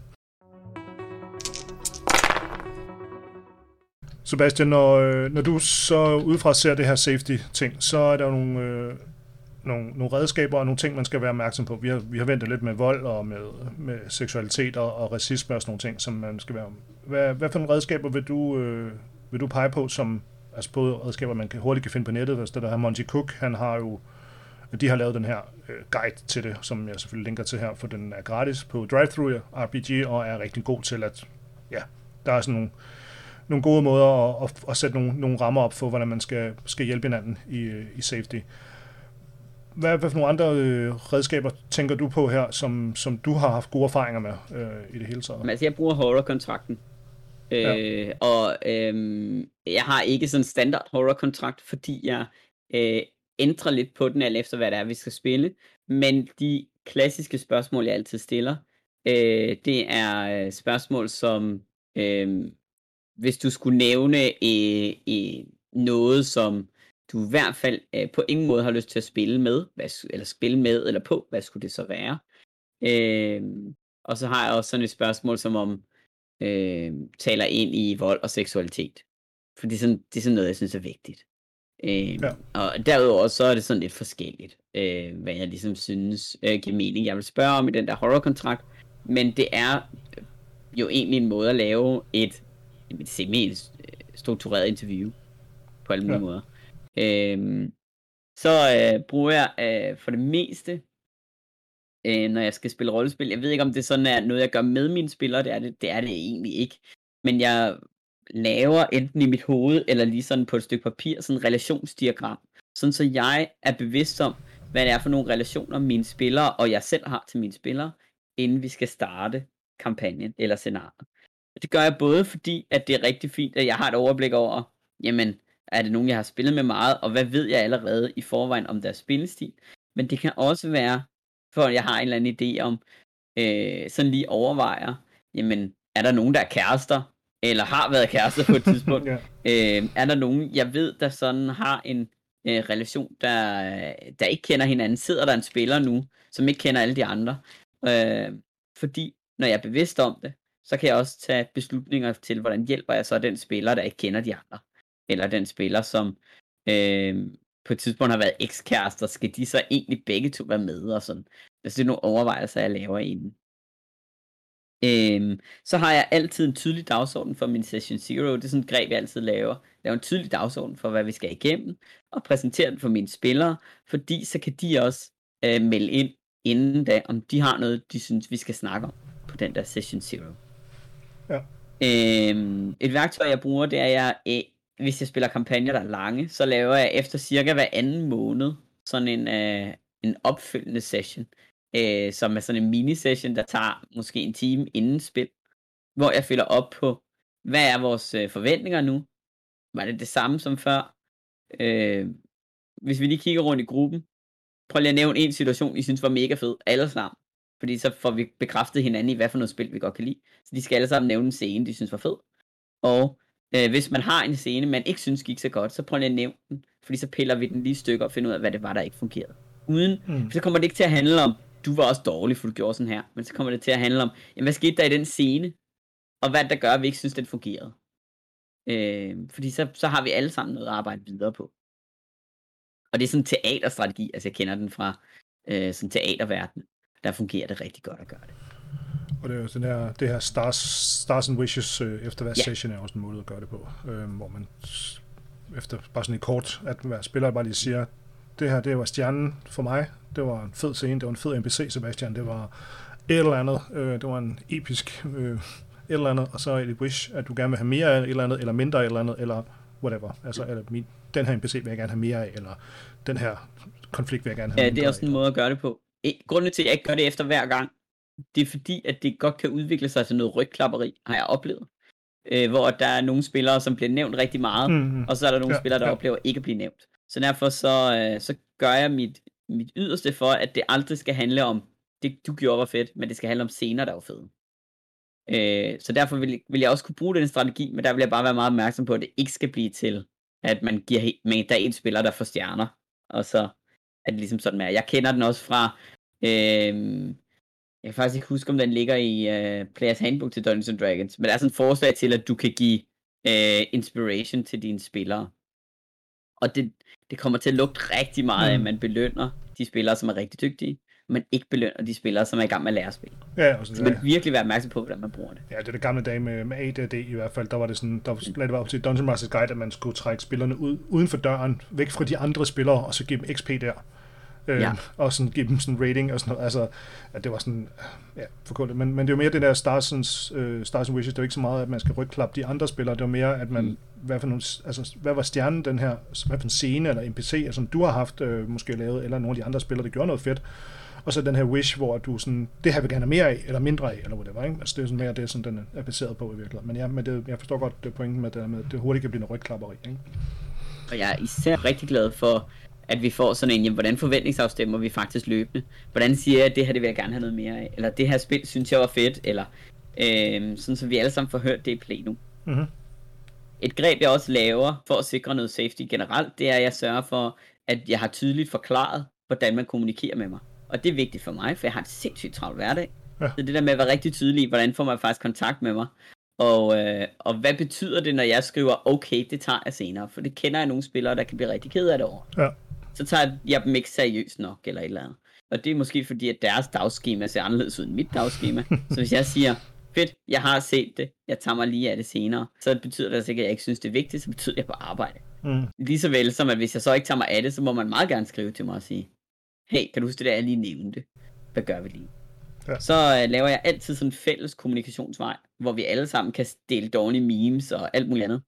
Øhm, fordi jeg oplever, at øh, humor altid er med til at skabe godt miljø. Så jeg gør faktisk ret meget ud af at sende dårlige memes til mine spillere efter session, og forsøge at skabe en stemning, hvor at, øh, vi kan tale sammen, og det er sjovt, og vi griner altså. For det er bare fedt. Og det er også, det er også igen det der med rammesæt, den der Session Zero, for det gør jo rigtig meget. Også de her redskaber, du tager med til Session Zero, og du har snakket med spillerne inden, gør jo også rigtig meget for det her safe space, og det her ja. safe, brave øh, aspekt, du gerne vil prøve at få, få indført i dine grupper.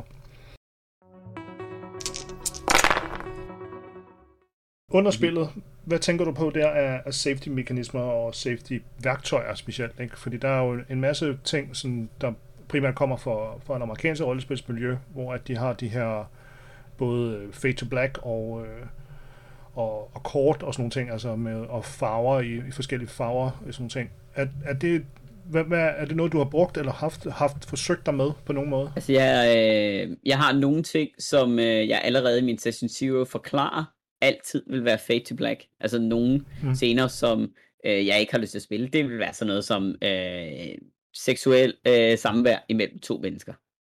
Så der er nogen, der har lyst til at bolle noget. Men ikke, men ikke, okay. to, men ikke to elver. Det, det er fint nok. Men- Jo, hvis det er to elver, så skal vi beskrive det i detaljer. okay, Sådan, det så alle får ondt i maven. Nej. Øh, hvis, det er, hvis der er to individer, der har en seksuel omgang med hinanden, eller tre, eller fire, eller whatever, ja. øh, så, øh, så fader vi altid. Øh, med mindre, at det narrativt har betydning. Øh, og det kan kun narrativt have betydning, hvis at det er plot-relateret. Ja. Øh, så hvis nu der er nogen, der er boller, og imens de boller, så bliver de stukket ned af en snigmorder, eller et eller andet, Ja, ja, jeg ved det ikke. Altså, så, så vil vi skulle bruge noget energi på i hvert fald at beskrive, at de er en ting. Men, øh, men jeg vil undgå at bruge lang tid på at beskrive det. Det vil jeg fade to black. Ja. Øhm, så øh, når jeg spiller online, for jeg spiller rigtig meget øh, Roll20, for jeg har nogle internationale venner, øh, der har jeg den regel, der hedder, at man altid kan tabe ud, og det gør man ved at skrive i chatten. Man skriver tab ud, Mhm. øh, og det betyder bare, jeg går lige nu. Øh, af en eller anden grund. Og der er ikke nogen, der spørger, hvorfor man taber ud. Det kan være, at man skal hente vand. Det kan også være, at man bare lige har brug for at trække vejret. Da vi spillede kult, der brugte vi det ret meget. Øh, fordi at øh, jeg lavede rigtig meget med lyde og stemninger. Og der var simpelthen nogle af spillerne, der engang havde sådan, nu har jeg brug for at tage høretelefonerne af, for jeg bliver skør ved lyden af de her børn, der græder. Ja, ja. Fair nok. Øhm, det er helt okay. Så taber man bare lige ud. Øhm, og så øh, går jeg ret meget ud af, at man cutter. Altså hvis man faktisk synes noget er ubehageligt lige nu, så stopper vi. Så siger man, jeg har brug for at cutte spillet lige nu. Mhm. Jeg har ikke sådan et safe word. Det er ikke sådan, der er nogen, der skal råbe makrelsalat eller et eller andet. Fordi det kan man ikke huske. Når man er i affekt i forvejen, og man er ked af det, så kan man ikke huske, at man skulle sige makrelsalat. Nej. Det er sådan min generelle oplevelse. Ja. Øh, også for live spil af. Jeg synes ikke, det fungerer. Men det fungerer ret godt, det der med, at man faktisk bare siger, okay, off-game, det her, det synes jeg ikke er fedt. Eller øh, det bliver ubehageligt, eller en eller anden. Jeg caller også en gang mellem off-game som game master, og det har jeg også informeret mine spillere om, at jeg gør. Det kan godt være, at der er nogen, der diskuterer. Det har jeg lært af bitter erfaring, for jeg har faktisk oplevet nogle diskussioner, og det gik for langt, og nogle spillere, der ikke synes, det var sjovt mere. Øh, så når jeg kan mærke, at stemningen bliver lidt presset, så tjekker jeg lige ind. Og siger, nu kan jeg lige høre, at I diskuterer rigtig meget over hjørnet. Har vi brug for at skal videre herfra? Eller vil I gerne afslutte den der diskussion? Fordi så åbner det op for, at vi også lige kan sige, nej, jeg synes faktisk ikke, det er fedt mere. Okay. Jamen, så fader vi til black i den der diskussion. Det kan man jo sagtens gøre. Man kan sige, I blev aldrig enige, den afsluttede der. Det var det. Næste scene. Mm, Ja, for man kan godt komme til at holde sine medspillere som gisler ind i noget, som der ikke er nogen, der synes, der er fedt. Jeg laver næsten aldrig fade to black, udover når det handler om sex, laver næsten aldrig fade to black, med mindre at mine spillere siger ja til det. Så jeg spørger ligesom også, når man giver det mening, at vi går videre til en ny scene nu, og åbner op for, at de kan sige ja eller nej. Fordi at som spiller, synes jeg også, det er rigtig nederen at blive kottet af. Hvis jeg faktisk lige var i gang med at skulle grave nogle lig op, og jeg havde behov for at beskrive, hvor ulækkert det er, når jeg laver necromancy nede i kælderen Ja, ja. øh, så synes jeg, det er rigtig nederen at blive kottet af. Men så har jeg, jeg har stor respekt for som spiller, hvis at der er en spiller, der siger, at det der, det synes jeg er virkelig ulækkert. Jeg ved ikke, det har Ja. ikke jeg har ikke behov for at høre dem lige. Så kunne vi lade være. Ja, ja. Okay, fedt. For jeg har heller ikke så stor behov for at snakke om. Fordi det, Hvis nu det er noget, jeg har rigtig stort behov for at spille på, for det betyder noget for min karakter, så vil jeg synes, det er rigtig træls at blive kottet af af min game master. Så det er så sådan en, en respekt begge veje. Og det, det synes jeg er en god pointe, det der med, at, at det er jo også spillerne, som... Altså, spillerne kan jo også gøre noget, som der, der er, ikke er hensigtsmæssigt i forhold til eventuelt en horror-kontrakt, men i hvert fald, fordi det, jo også, det kan jo godt være, at der ikke... Altså, det kommer an på, hvordan man gør det, men ofte så deler man jo ikke horror-kontrakter med hinanden på den måde, vel? Øhm, også fordi det måske kan være et sårbart rum igen til det med den der safe brave øh, terminologi, vi bruger.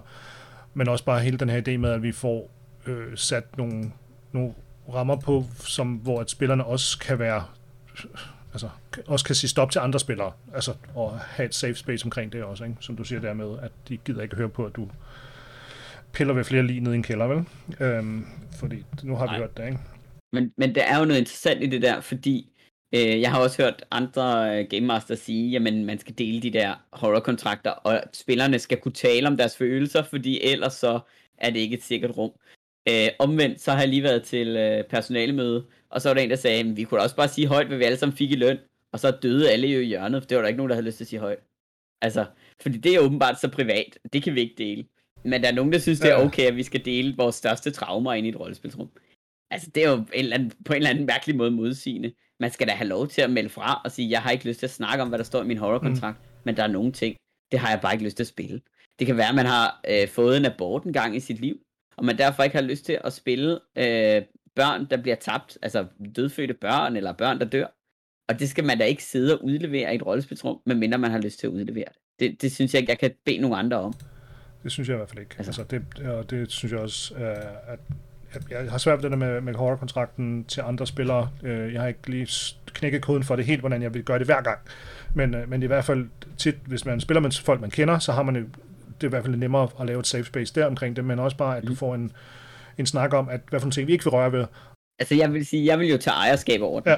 Så øh, hvis nu jeg Ja, det var også... havde en anden spiller, der fortalte mig, at de ikke havde lyst til at opleve voldtægtsscener, så når vi har Safety Zero, så vil jeg sige, altså jeg har besluttet mig for, at jeg synes ikke, at voldtægt er en del af det her scenarie, og det er fordi, jeg synes, det er nederen. Ja.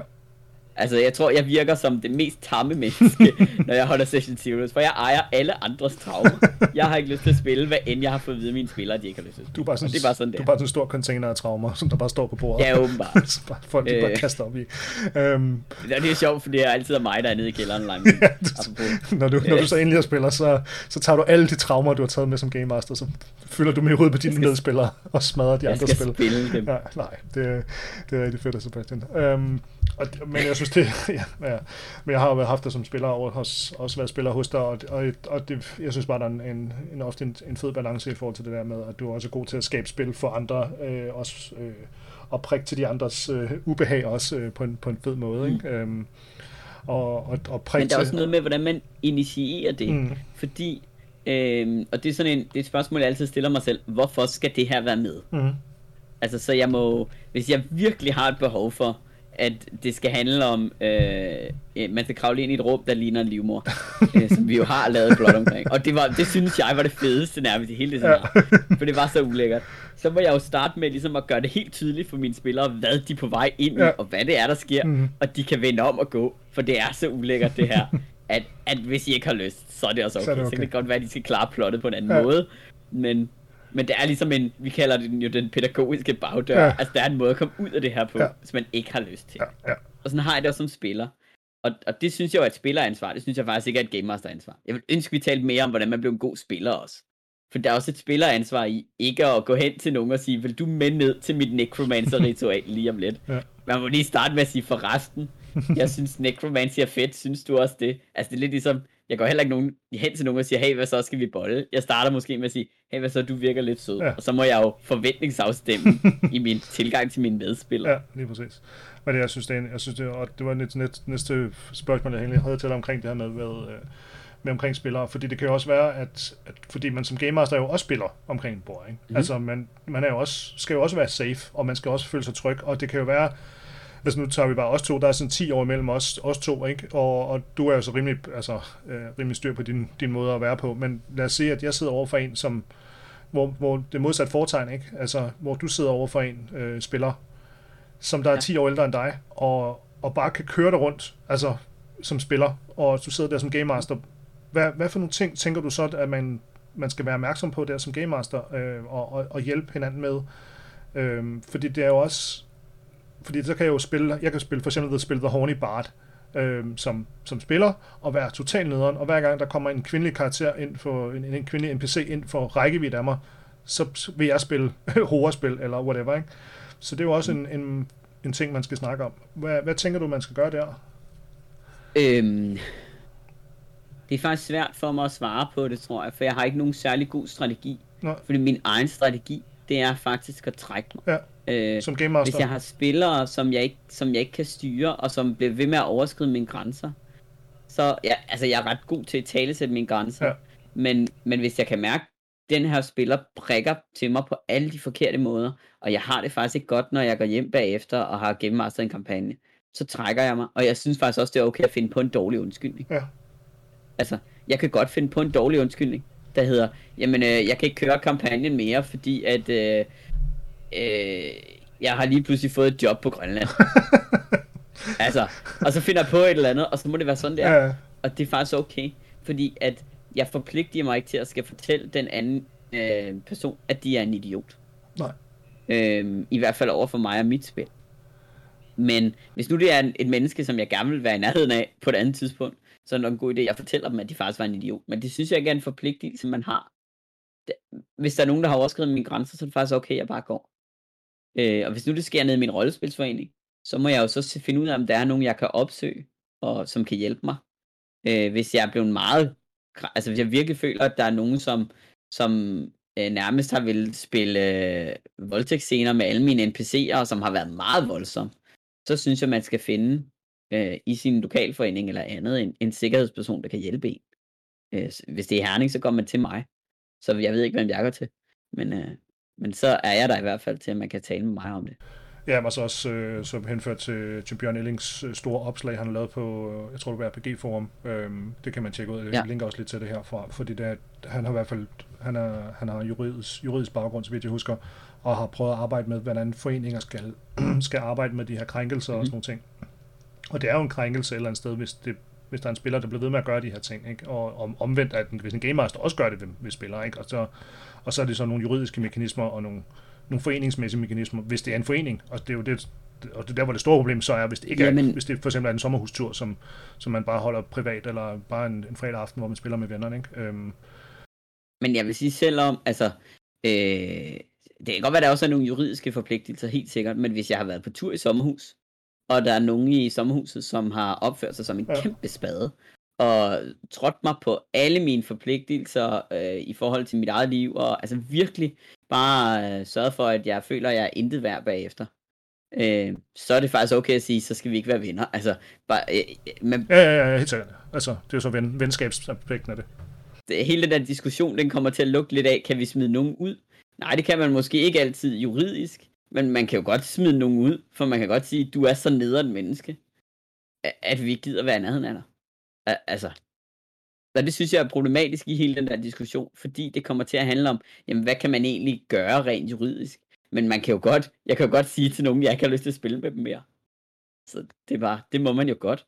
Jeg må godt afholde arrangement, hvor jeg siger, men jeg har faktisk deltagere, som har givet en tydeligt udtryk for, at de ikke vil spille med dig, fordi du er et sindssygt ubehageligt menneske.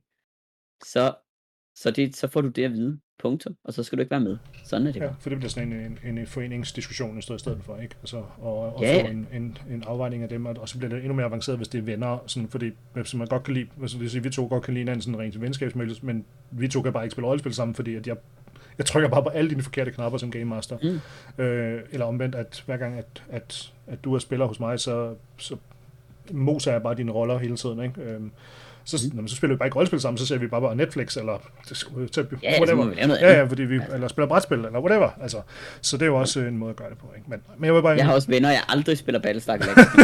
Jeg elsker at spille Battlestar Galactica, men jeg kender nogen, der spiller ikke spil. det bliver altså. bare blodigt. Og så spiller vi noget andet. Så spiller vi Dixit eller Ja, sådan noget. Whatever. Så bliver det, for, det bliver for blodigt, så, så begynder brækkerne ja, at flyve. Det bliver for meget uvenner. Øhm, og, øh, nej, men det er jo, jeg var bare, bare nysgerrig om, hvad, hvad, om du havde noget at tænke på, sådan noget tanker omkring det. Det er ikke noget, jeg har nogensinde oplevet, øh, heldigvis. Øh, Jamen, jeg har jo selv oplevet det, Ja. og altså, jeg må sige, når jeg har oplevet det, så er jeg verdens største kujon. Det er jeg. Fordi jeg synes, det er sindssygt ubehageligt at være i. Og, og lige meget, hvor solid et menneske jeg er, så bliver jeg også ramt af sådan et imposter-syndrom en gang imellem, hvor jeg synes, det kan også være, det er mig, den er galt med, og, og, og at det bare er mig, der er helt forkert, og ikke fatter en skid. Øh, og så er det faktisk okay at sige, det her er en hobby, det er noget, vi laver af sjov. Og hvis jeg ikke synes, det er sjovt mere, så er jeg ikke forpligtet over for nogen. Ja, for det er også, der er også en, der er også en diskussion omkring, altså hvis det ikke går ud over dig, men det går ind over de andre spillere, og du sidder som game master, så er det pludselig ikke, og skal, og skal løse den konflikt, og der er en spiller, der måske trækker sig, du kan mærke, at den her person trækker sig mere og mere øh, i, i det her spil, fordi at der er en anden spiller, som der er patroniserende på en eller anden måde i, i forhold til, til, til, hvad der sker, og, og ikke er hensigtsmæssigt, enten om det er bare, altså om det er krænkelser, det er jo en ting, men også om det er en, øh, altså, eller trumler de andre spillere på en, på en uhensigtsmæssig måde, som der ikke er sundt for spillets øh, opbygning overhovedet. Mm. Øh, så det er jo også en afvejning af det også, at få, få, få de der snakke øh, på den måde. Jeg havde, vi har en fælles ven, veninde, som hun spillede så en rolle øh, for nogle år siden øh, sammen med mig, hvor at, øh, der var en birolle, jeg kunne godt lide det her med, at, at som vi også to også snakker om, det med, at spillere spiller hinandens biroller. Og, øh, og der var så en rolle, som øh, en af de andre, der spillede, som en, hvor at han spillede en voldelig eksmand over for hende. Og der var hun simpelthen nødt til at trække sig væk og sige, prøv her, det er et vildt fedt spil det her, jeg kan bare ikke lige nu. Så, øh, så når vi spiller øh, næste gang, så skal det der øh, enten skrues sindssygt meget ned, eller så skal det fjernes helt. Og, øh, og det var jo og det var en rigtig fed måde at, at, at kunne mærke på, på en spiller, at, at der var et safe space og en, og en, og en tro på, at, at, at den her anden spiller, som så, og også godt hørte det, og, og godt kunne forstå, at okay, nu skal jeg lige skrue lidt ned for, for charmen, ikke? Øh, på den måde. Øhm, så. Men, men det kan den spiller jo også kun, hvis man som Game Master har sat rum for, ja. at man kan komme til Game Master. Ja, og det, og det, gjorde, det gjorde hun lige med det samme, øh, der, da vi var vi spillede færdigt og sådan nogle ting. Altså, så det var ikke fornødt, det var ikke sådan, hun trak sig, mens vi spillede. Øhm, og de havde nogle sindssygt fede øh, sådan eks-mand, eks-kone battles over telefonen og, og sådan nogle ting. Men, øh, men, hende, men, men den, den mandlige part der, altså spiller manden der, han var meget, meget øh, udfarende og, og meget øh, god til at spille trumlende og meget patroniserende over for, for den her øh, kvindelige spiller, og, og, og jeg kunne godt mærke på, på den spiller der, at det er jo sådan, og så stoppede det heldigvis spillet der, der, sådan, der jeg kunne, godt kunne se, at okay, nu, nu begyndte der sådan at blive bølgen lidt for højt, og så, øh, og så trak hun mig så til side derefter, og så tog jeg så ham den anden spiller ind, og så snakkede vi alle tre sammen, og så, så næste gang vi spillede, så var det bare sådan meget mere udglattet, og så var, det, så var der ikke nogen problemer i det overhovedet. Så det var, det var fedt, at hun kunne mærke det, det, det frirum der, så det var også en, det var lige for at sætte en krølle på det, øh, i forhold til det der frirum, man, kan, man skal skabe, og også både for, for andre spillere, men også øh, spillere og spillere imellem, og spillere til Game Master øh, i, i specielt. Ikke? Mm. Så øh, nej, men Sebastian, jeg har sådan set ikke øh, så faldet meget mere sådan, øh, lige umiddelbart. Er der noget, som øh, du føler, vi har glemt at, at sætte, sætte ord på? Nej, ikke sådan rigtigt. Jeg synes, vi har været godt omkring. Øhm, fordi der er, jo, der er en masse ting i det, og vi kan, altså, vi kan jo snakke flere timer om det her. Øhm, og øh, så dem, som der lytter til det her derude, kom, skriv konstruktivt til os, hvis der er noget, vi har glemt og manglet og, og sagt og sådan nogle ting. Øh, Øh, og så øh, hvis de tør at komme på, så øh, er jeg sikker på, at vi, kan, vi tre kan snakke om det sammen med dem, eller jeg vil i hvert fald gerne snakke med, med de personer, som der har mere at sige om det her, fordi der er så meget at sige om det her emne. Øh, men, øh, men Sebastian, jeg synes, det var fedt, at du, øh, du ville, og, og for ikke at sige så meget, men i hvert fald tur at, øh, at kaste ud den her snak, fordi det er jo en, det kan være ømtomligt, ikke? Og, og det snakker vi også om inden, øh, og det var fedt, at du, du ville det sammen med os fedt. her på podcasten. Jamen, helt sikkert. Jeg, synes, det er dejligt at være med. Tak for dag, og tak til Sebastian, fordi han ville prøve at forklare os, hvordan safety skal bruges i rollespil. Næste gang skal jeg snakke med Peter Dyring, og øh, han fortæller lidt om, hvordan øh, hans syn på, på rollespil er sådan igennem øh, nullerne og tierne, ud fra hans egen blog, og hans øh, syn på svensk rollespil versus dansk rollespils publikationer. Så øh, det bliver rigtig spændende. Tjek vores Facebook ud, GM Workshop The Podcast. Der kan I øh, snak med os, skriv til os, og hvis du gerne snakke med mig på podcasten, så, øh, så skriv ind. Så får vi øh, sat nogle rammer op for, hvad der skal snakkes om, og øh, hvordan vi øh, får det bedste ud af den viden, som du har, og gerne vil dele med os alle sammen, så vi alle sammen kan blive bedre Game Master. Warning, this is a nerdy production.